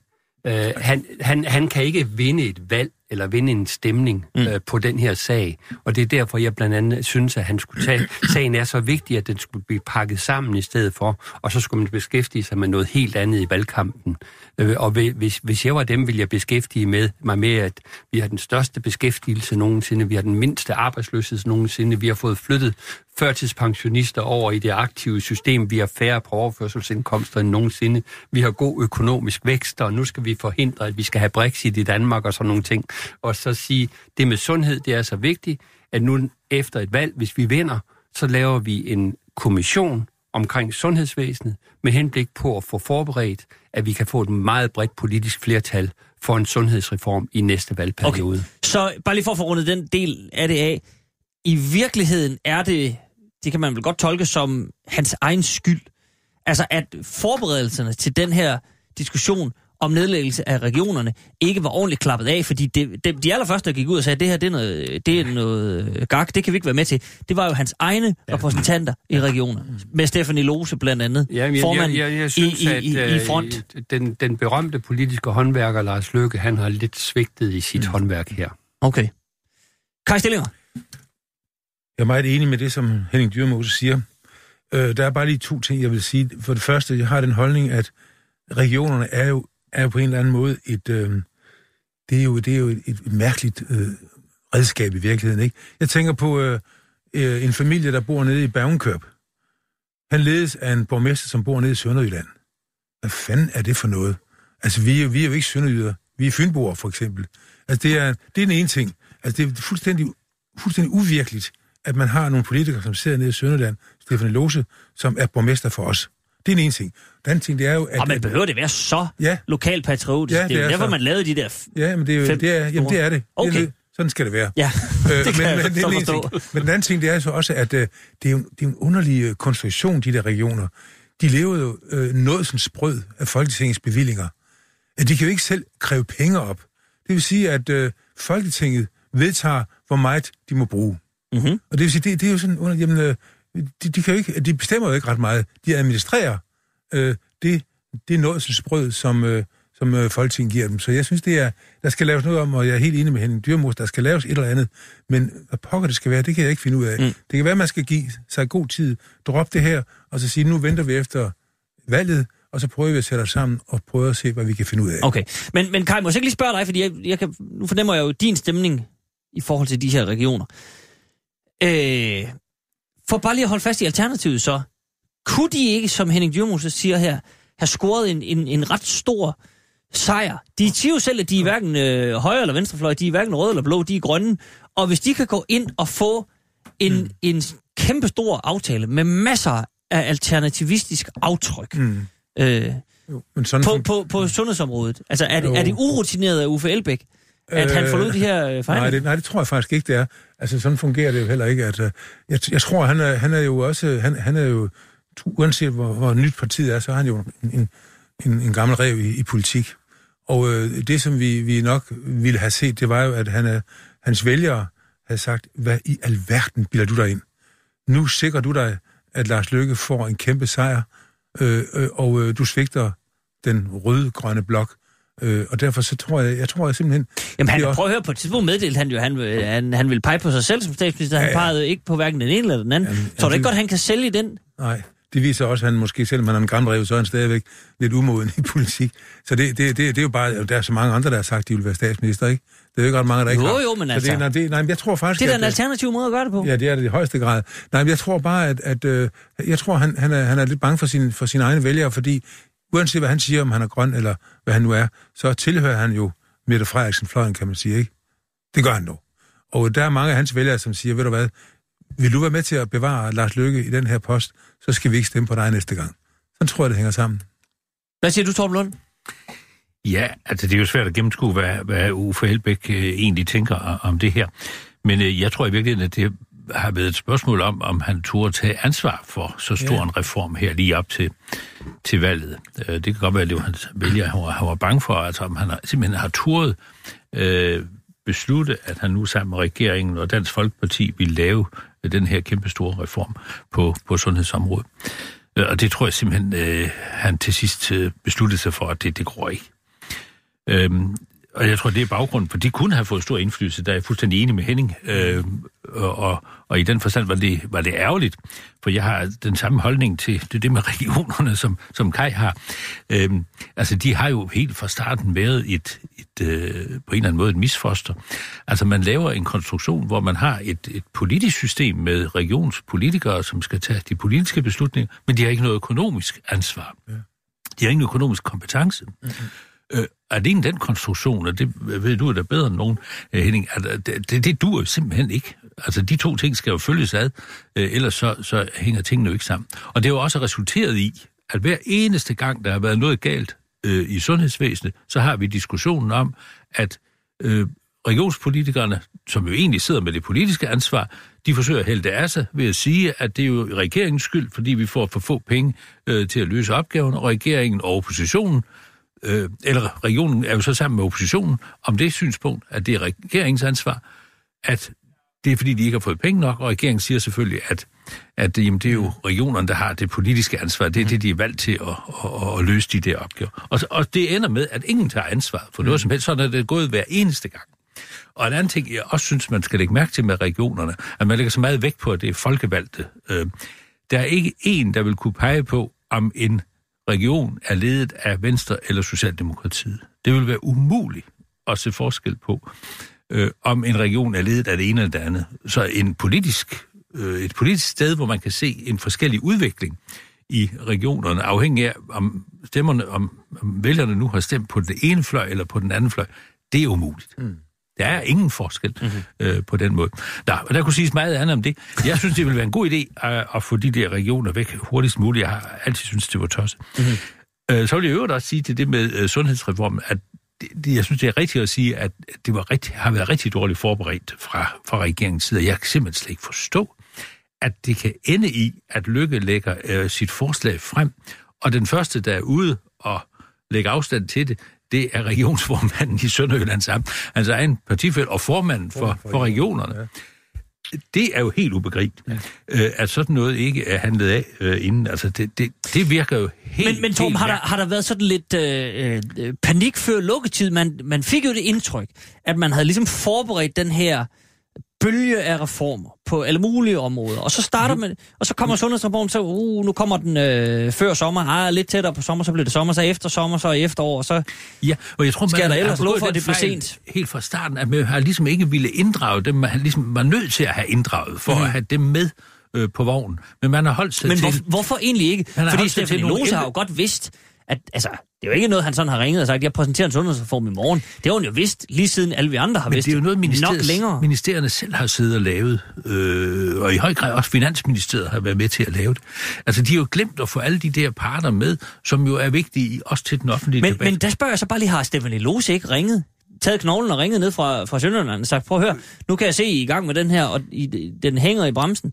Skal vi ikke lige tage det et ville møde? være meget mærkeligt, hvis hun ikke har. Men det er jo også Ja, det mærkeligt, hvis, øh, hvis øh, øh, øh, sundhedsministeren, som jo også er nede fra Sønderjylland, hun bor hvis, hvis i Sønderborg, så vidt jeg husker, det er da meget mærkeligt, hvis hun ikke har kunnet tale med sin egen regionsrådsformand øh, dernede, og de lige kunne tage et lille sludder en lørdag formiddag om, hvad er det egentlig, vi har gang i her. Men, men De, de har til gengæld haft en temmelig knuppet offentlig debat, de to, Ja, ja. de to venstre Det må man. Helt, helt fuldstændig mærkeligt. Øh, Jo, men- men, derfor men- synes men- jeg, det er nu- klogest, hvis, hvis vi lige skulle videre, også det, hvad nu øh, skal der ske her. Ja, jeg tror, ja. det er helt rigtigt, at at øh, man skal ikke bestræbe sig på at forsøge at gøre det færdigt med en vedtagelse i Folketinget af en øh, reform, lovgivning om regionernes nedlæggelse og en sundhedsreform osv. Det tror jeg ikke, man skal. Men man er, man er jo ligesom nødt til at have sagen på dagsordenen, også til, til folketingsvalg. Altså man kan jo ikke sige, at den ikke er der. Øh, men den må jo indgå sammen med alle mulige andre sager i folketingsvalgkampen. Og det kunne jo tale for, at han udskrev valget ret hurtigt. Mm-hmm. Altså, at man ikke skal forhandle det videre nu, øh, få det nu overstået. for det er vel, det er vel hvad skal man sige, øh, Og det at, kunne- at få en afklaring på det, uden at, uden at sige, at vi har givet Ja. totalt op. Ja, netop. Øh, og øh, et argument for at lave valget øh, hurtigt, det kunne jo være, at vi også skal have Europaparlamentsvalg i slutningen af, eller i midten af, Nej. af maj. Slutningen af maj, 26. maj. Er det den 26. Det er den maj? 26. maj. Altså, det kunne være et godt argument for, at nu skal vi altså have det Åh, folketingsvalg. men hvis meningsmålingerne ser skidt ud, tror du så ikke, tror du ikke han er ligeglad med det? Men det, det er jo ikke noget... Jeg ved ikke, er der nogen mulighed for, at det bliver bedre? Nej. det, det der er altid håb. Ja, ja. Aldrig glem håbet, Torben. Nej, nej, nej. Men, men må jeg lige, Henning Dyrmose, og jeg ved godt, at det bliver selvfølgelig en lille smule spekulativt, men jeg har haft svært ved i hele processen at se argumentet fra Lars Lykkes side for ikke at inddrage de relevante parter. Og der har været virkelig mange, som har meldt sig på banen i forhold til, jeg kan også huske, altså øh, lægeforeningen og alle mulige andre, mm. har jo været ude flere gange og sige, Ja. ja, vi er overhovedet ikke blevet spurgt. Nej. Her er vores telefonnummer. Ring bare. Det, det er jo meget Og mærkeligt. det er samme med regioner, det er det ene og det andet. Ja. Men hvad skulle argumentet være for ikke at tale med dem? Det, det, det har jeg også meget svært ved at forstå, øh, at den forberedelse har været øh, så, så, så dårlig, fordi øh, også i lægefaglige kredse er der jo en stor lyst til, og sundhedsfaglige kredse, en stor lyst til at være medvirke til at Ja, få alle er jo et- med på den. Der er jo, der er jo bedre velvilje til noget nyt. Øh, og alle er med på, at vi kan ikke have flere forskellige IT-systemer, der ikke kan tale sammen. Øh, alle er med på, at vi skal have øh, samme behandlingsgaranti i de forskellige områder osv. Jeg skal lige have understreget, inden jeg fortsætter med at svare, at, øh, fordi det er jo ikke sikkert, at lytterne ved det. Øh, jeg har jo altid været modstander af, at der bliver etableret regioner. Jeg mener, vi skulle have lavet den løsning, der nu er på tale med, at noget i sundhedsvæsenet var blevet centraliseret, nemlig de, de, de store garantier, de store behandlinger, og meget mere skulle være decentraliseret. Så da vi fik regionerne i stedet for amterne, ville jeg have fjernet amterne og have fjernet regionerne. Og det synes jeg er en lille smule interessant, formand, fordi her sidder så SF og en tidligere socialdemokrat og en konservativ og siger, vi kunne sådan set godt snakke os frem til en løsning, ja. hvor der overhovedet ikke er nogen ja. regioner med. Og det, det taler måske for, at man skulle have den der kommission, som kunne forberede en løsning uden regioner, og hvor man i højere grad fik den lægefaglige og den sundhedsfaglige ekspertise i det hele taget inddraget i forberedelsen. Ja. Det, var Jamen- derfor, det var derfor, jeg sagde før, at jeg synes, at den såkaldte gode håndværker, Lars Lykke, mm-hmm. har ikke været så god en håndværker Nej. i den her sag. Jeg vil sige, det, det du siger der, Henning, taler også for, at der tilflyder det gode gamle folketing mere magt. Ja, det er Men det er så... Det er jo en helt, Det er jo så... helt bemærkelsesværdig konsensus, der er med det. Præcis. Præcis. Men, men jamen, der er jo et eller andet spøjst ved, at manden, der, der opfinder regionerne, og har lidt bøvl med det i sin tid, nu skal afmontere regionerne, og har endnu mere bøvl med det. Altså, det, det, det, det er jo en, en, en spøjs koncentration. Kaj Stillinger? Ja, altså, øh, det er jo svært at sige, som vi andre, vi andre også er enige om, alle sammen er enige om, hvorfor han har gjort det, men en idé kunne være, han måske vil fremstå som manden, der altid sørger for at lave reformer, som forbedrer forholdene for danskerne. Så det er sådan en kontinuerlig proces. Mm-hmm. Jeg laver reformer, I kan selv se, at det bliver bedre og bedre. Og derfor så har han måske ikke lige tænkt over, at, at, at det måske ikke var så klogt, det der. Jeg tror, jeg tror det er simpelthen et forsøg på at lave sådan en, øh, øh, et, et rygte, som siger, jamen Lars Lykke, han laver reformer. Men, men, men øh, Kai, siger du dermed, at han, at han vil lave, at han vil sidde på sit kontor og nærmest øh, enhændigt, selvfølgelig med sine embedsmænd og så videre, og, og regeringen, og præsentere en plan, som er så genial, at alle involverede parter ser den og tænker, gud, den er god. Hvor var det godt, vi ikke blandede os. Altså, det, det, det er vel noget af en chance at tage. Jamen, det tror jeg heller ikke, det er. Jeg tror, det, jeg, tror, det, jeg tror, det er den her proces, hvor han, som jeg sagde, vil være i historien den, som altid laver reformer for at forbedre forholdene. Så han skulle nok ikke tænke det igennem, at det måske er ikke så klogt, det han har gjort. I, men der sidder, men der sidder, også et, der sidder også et embedsapparat og ministerier og sådan noget, som, som ja, ja. vel... Ja, nu skal jeg jo ikke sige, hvordan det fungerer, men der mm. sidder to her, der har været ministre, mm. som, som vel har sagt, prøv at høre, i, i forhold til at lave en sundhedsreform, der synes vi, her nede på gulvet, at der skal inddrage nogle relevante ja. partner. Så det, det har han til synligheden nærmest overhørt. Jo, men det er jo, det er jo hans ret som jo, jo, jo, jo. Det er slet ikke noget med det, men det er stadigvæk lidt spøjst. Men det er ikke klogt Nej. At overhøre det. det øh, fordi, altså, alle, der har beskæftiget sig med sundhedsvæsenet, ved jo, hvor komplekst det er at lede sundhedsvæsenet, fordi der er så mange forskellige interessenter. Øh, men det ved han jo bedre end nogen. Ja, men, men han har måske, jeg ved det ikke, han har måske haft for meget tiltro til, øh, der har så tit stået i avisen, at Lars Lykke var den politiker i landet, der viste, vidste mest, mest om sundhedsvæsenet. Og det har han troet på? Og det har han så måske troet på. Og det, det er nu altid, okay. det er et godt råd til både ministre og erhvervsledere. Du skal omgive dig af folk, der er klogere end dig selv, og så skal du lytte til dem. Det vil råd vil vi gerne sende videre her fra det gode gamle. Torben Lund? Øh, jeg er helt enig med Henning i, at han det er jo det mærkelige, at også øh, Sundhedsministeriet ligesom har overset, men det gør, at de ikke har haft nogen indflydelse til det, at man ikke der har kunnet se, at man er nødt til at få inddraget alle de der interessenter på sundhedsområdet for at få en afklaring af, hvor de er henne i det her. Vi skal være sikre på, at de går ud og bakker op om linjen i det. Det kan være, der er detaljer, man øh, kan diskutere og sådan noget, mm. men i hvert fald, de bakker op om linjen i det. Øh, og, og det andet øh, omkring det med regionerne, altså han har jo været nødt til at sikre sig i hvert fald en vis forståelse for modellen, også fra øh, sine egne regionsrådspolitikere. Ellers, ellers er det jo halsløs gerning at mm. kaste sig ud i. Og Men... det er jo sådan, det er dem, der fører det an i hele den der diskussion omkring det her. Det er jo bare centralisering, og det er afdemokratisering af, af sundhedsvæsenet. Og så var det jo nemt for oppositionen bare at, at klistre sig på, ikke? Mm. Øh, det, det, det er helt mærkeligt, at han ikke har kunne se... Øh, Men Henning Dyrmos, du, nu, nu, nu spørger jeg dig, fordi du har været siddet som finansminister, og er til, så er der jo sager her i det gode gamle folketing, som på en eller anden måde ender på finansministerens bord, fordi det er der, det er blevet mm. så magtfuldt et ministerium, at det er der, der bliver lagt nogle store planer, som har at gøre med nogle store finanser, og derfor kan man måske, og nu, nu det er derfor, jeg, spørger, jeg spørger blot, øh, i sin øh, i sin uendelige visdom derinde, se sig øh, forbi alle andre interessenter, og ligesom som, der er blevet lavet et regnestykke her,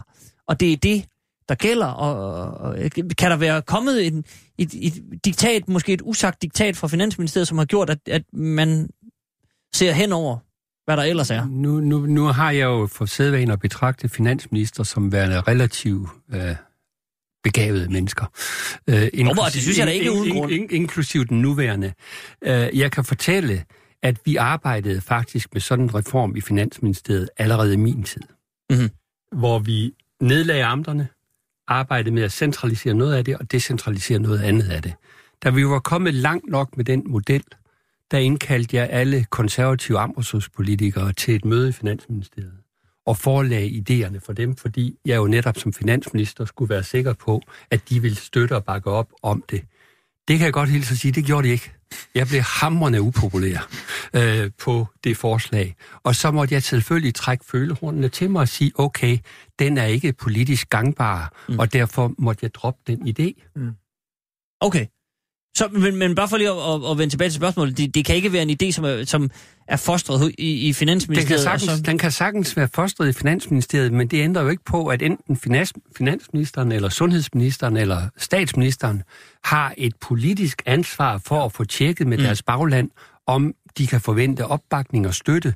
Fordi Torben har jo fuldkommen ret i, at det er meget nemt at være opposition, når regeringspartiet er i splid med sig selv. Det må man sige. Torben Lund? Ja, ja, det er jo lige en lille opfølgning på det, fordi det, der nu så sker, er jo nok, at selvfølgelig ligger forslaget om en sundhedsreform på bordet, også til valget. Man kan jo ikke trække forslaget tilbage, det vil være helt latterligt. Øh, også at regionerne burde øh, nedlægges, det ligger også på bordet. Mm. Men Lykke skal jo prøve, hvis man skulle give ham et råd, han skal selvfølgelig prøve at komme til at tale om andre ting end det op til valget. Øh, det er klart. Det man nu kunne frygte, jeg har jo selv beskæftiget mig meget med sundhedspolitik, og var jo også sundhedsminister for mange år siden. Det man nu kunne frygte, det var, at efter valget, at så sker der ingenting. Altså, jeg ved godt, alle har sagt også noget med, at der skal mere nærhed, og der skal det ene, og der skal det andet, osv. Jeg tror, at reaktionen efter valget, hvis vi får en ny regering, bliver, der sker intet. Fordi, fordi, fordi regionerne vil heller ikke noget. Nej. De er bare interesseret i, at det fortsætter, som det hidtil har været. Og det er ikke godt for, for sundhedsvæsenet. Nej. Det synes jeg er virkelig ærgerligt. Jamen, så vil jeg bare lige bruge de sidste fem minutter på netop at, at, at, at, at spørge en lille smule ind til en, en større ting, som kredser omkring både det her med en sundhedsreform, men i virkeligheden også øh, Alternativets øh, skal man sige, agerende i den her sag, og så for at trække tråd helt tilbage til Dansk Folkeparti, og om man har lyst til at træde ind i en regering, nemlig det her med at tage ansvar. Torben Lund, du sagde også det her med, at regionerne vil ikke rigtig tage, tage ansvar for, for, øh, ja, for noget, tror jeg, du fik sagt. Det her med, at de har nogle penge, men, men det politiske ansvar bliver jo sådan, så kan man spille lidt tilbage. Men vi får jo bare nogle penge, og så skal vi sådan og sådan og sådan. Hvad er det med den her ansvarsting, Kai Stillinger, som, som vel er grunden til, at man går ind i politik. Man vil sådan set gerne have noget ansvar. Men når man så sidder der, huha, så er det en, en farlig sag. Nej, nej, det er jeg ikke enig med dig i. Det er ikke en farlig sag. Nu nævner jeg bare lige de her eksempler ja, ja, igen, men, så. Men, men, men for at gå tilbage til regioner, så, så Torben og jeg har jo nævnt det der med, at det, det, det, det er jo, regioner var jo noget magtværk, og det, det har du også sagt, Henning. Altså, man, man uh, siger, nu er I såkaldt politiske, I, I, er, I er folkevalgte. Mm. Men I, I får kun de penge, som vi bevilger jer. Og så skal I administrere dem. Og hvis I siger, at det ikke, det ikke rækker, så er det jeres problem, fordi I må løse det, fordi nu har I fået de penge, så, nu har, I, nu har I fået de penge, som vi vil give jer. Det er jo, det er jo en håbløs situation. Og jeg tror da gerne, at uh, Amtsråds, eller de der regionspolitikere gerne vil tage ansvar, hvis de også skulle få lov til at udskrive de skatter, der var nødvendige for at få regionen til at fungere. Så jeg, jeg, jeg er ikke helt enig med dig i, at, at uh, man ikke... Men, men en del af det at tage ansvar er vel også, at man accepterer, at man sidder i et job, hvor beskrivelsen er, at I får nogle penge, dem skal I administrere, og de penge er I så ansvarlige for. Ja, men så, ikke men, bare... Nej, nej, men så, altså, så, så skal man også gøre det klart, at så er de jo ikke politikere. Så er de jo administratorer af nogle penge, som bliver bevilget i Folketinget. Så det, de er jo ikke rigtige politikere, de er valgt godt nok, men, men, men de administrerer jo bare. De, er jo, de, har ikke, de, har ikke, de, har ikke, de får ikke lov til at lave visioner. De får ikke lov til at, at, at prøve noget nyt og spændende, fordi der ikke er penge til det, fordi der er kun det beløb, som er bevilget. Og så siger regeringen, jamen det er jeres problem, det er jeres ansvar at løse. Jamen, det kan vi ikke med de penge. Det er ikke vores problem. I har bare løst dem. Okay. Og det, Men er du, så, er du enig med Torben i, at det værste, der kan ske i virkeligheden, det er, at øh, vi får et valg, og så fordi hele den her proces med regionerne har været så rodet, så siger man, puha, det skal vi simpelthen ikke lige røre ved nu. Jamen, jeg, jeg, jeg er lidt usikker, fordi øh, alle, alle selv faglige eksperter, øh, regionspolitikere, folketingspolitikere, oppositionen, jeg selv regeringen, siger jo, at, at vi, vi trænger til en form for, for, for sundhedsreform. Mm-hmm. Altså, jeg, jeg tror ikke lige det, du siger, Torben, er rigtigt, for jeg tror, alle er nok, eller mange er i hvert fald enige om, der skal ske et eller andet. Der oh, skal men, men det, det kan man jo også godt sige, og så ikke gøre noget. Nej. Ja, ikke som man siger det. Man kan, da, man kan da sparke det så kraftigt til hjørnet, okay, at der ikke... Ja, ja. Jamen det, jamen det tror jeg alligevel ikke, fordi der er så mange, der er enige om, at der skal ske et eller andet. Så derfor tror jeg ikke, man kan løbe fra det. Okay. Henning Dyrmose, nærer du den frygt? Jamen, jeg, jeg er nær den frygt, at på grund af forløbet, så bliver der stillstand mm, efter ja. et valg. Øh, øh, og, og, og jeg synes, det vil være forkert, hvis det sker. Det var grunden til, at jeg ligesom sagde, selvom jeg ikke tror på, at det sker, at de skulle lade være med at køre forslaget frem. Mm. Det bliver under ingen omstændighed vedtaget i Folketinget. Det kan de slet ikke nå, fordi det er det alt for komplekst til. De kan nå at lave et forlig, som de så i givet fald går til valg på. Øh, og, og det er der, jeg er bange for, hvis det bliver for et stor en del af valg, valgkampen, at så kan det føre til, at den nuværende opposition ikke vil røre ved noget som helst, hvis de kommer i regering. Det er derfor, jeg egentlig synes, at hensyn til befolkningen og hensyn til sundhedssystemet, at det allerbedste vil være at sige, at det her det er så vigtigt et område, at det vil vi altså ikke gøre færdigt mm. inden et valg. Uh, vi ved godt, det ligner et politisk nederlag, at vi ikke har fået det på plads, men vi synes, løsningen er vigtigere, end om vi får et politisk nederlag. Nej, vis noget ledelse, noget statsmandskab og sige, det her det er så vigtigt, at vi skal have et bredt flertal, så nu må vi tage den sag op igen efter valget, og formodentlig må vi tage og lave en sundhedskommission, må vi også få den lægefaglige ekspertise draget ind, så må vi få det her afpolitiseret, så det bliver mere en savlig løsning, som en kommission kan forberede, og den skal så gerne nås frem til et resultat i løbet af næste valgperiode. Okay. Men så er du også enig med mig i, at, at der sker nok noget. Jamen, der skal ske noget. Ja, nemlig. ikke? Jamen, det er vi enige om. Ja, Ja, ja. Men, Okay. men jeg, er bange for, at, jeg er bange for, at det går i stå, hvis Ja. ja. de kører for langt frem. Ja. Godt. Torben Lund, så stiller jeg lige dig et hurtigt sidste spørgsmål. Øh, fordi nu, nu kan nærværende formand så få den frygt, at fordi det har været så rodet, det her med regionerne, og hvad skal vi gøre, hvad skal vi ikke gøre, det ene og det andet, og man er bange for, at det kommer til, som Henning siger, øh, at fylde meget i valgkampen, at man så siger, godt, nu skal der simpelthen råbes højt over i et andet hjørne, for ikke at snakke for meget om det her sundheds noget, og så får den en på indvandrer øh, det kunne den jo sagtens få. Men øh, det kommer jo til at, øh, at simpelthen blive et spørgsmål om, at nogle partier vil forsøge at overgå hinanden øh, på at, at foreslå øh, noget, der er mere og mere restriktivt. Ja, ja, men er det, det ikke, er det ikke også Altså, sandsynligt? Det, det vil jo blive utåligt at sidde og høre på, øh, og, og det vil jo blive DF øh, og, og Nye Borgerlige helt ude på den, den yderste fløj. DF, Jo, men at, at Venstre går med på den, fordi man har en interesse i at, få larmet de lidt. vil jo snakke hinanden øh, op, alt det de overhovedet kan, øh, for at sige de, de værste ting. Det vil blive meget, meget lidt kønt, Okay. det vil jeg sige. Således opmundret, siger, siger vi tak for i dag. Øh, tak til Kai Stillinger, tak til Torben Lund, tak til Henning Dyremose. Ja, altså valget kommer, når det kommer, men en ting kan jeg garantere. Vi er her, når det kommer. Så øh, tak for i dag, og vi er selvfølgelig tilbage til vanlig tid øh, næste tirsdag 10.05. Tak for i dag. Banke, banke på. Hvem der? Det, det er spicy. Spicy hvem? Spicy Chicken McNuggets, der er tilbage på menuen hos McDonald's. Badum, bom, tji.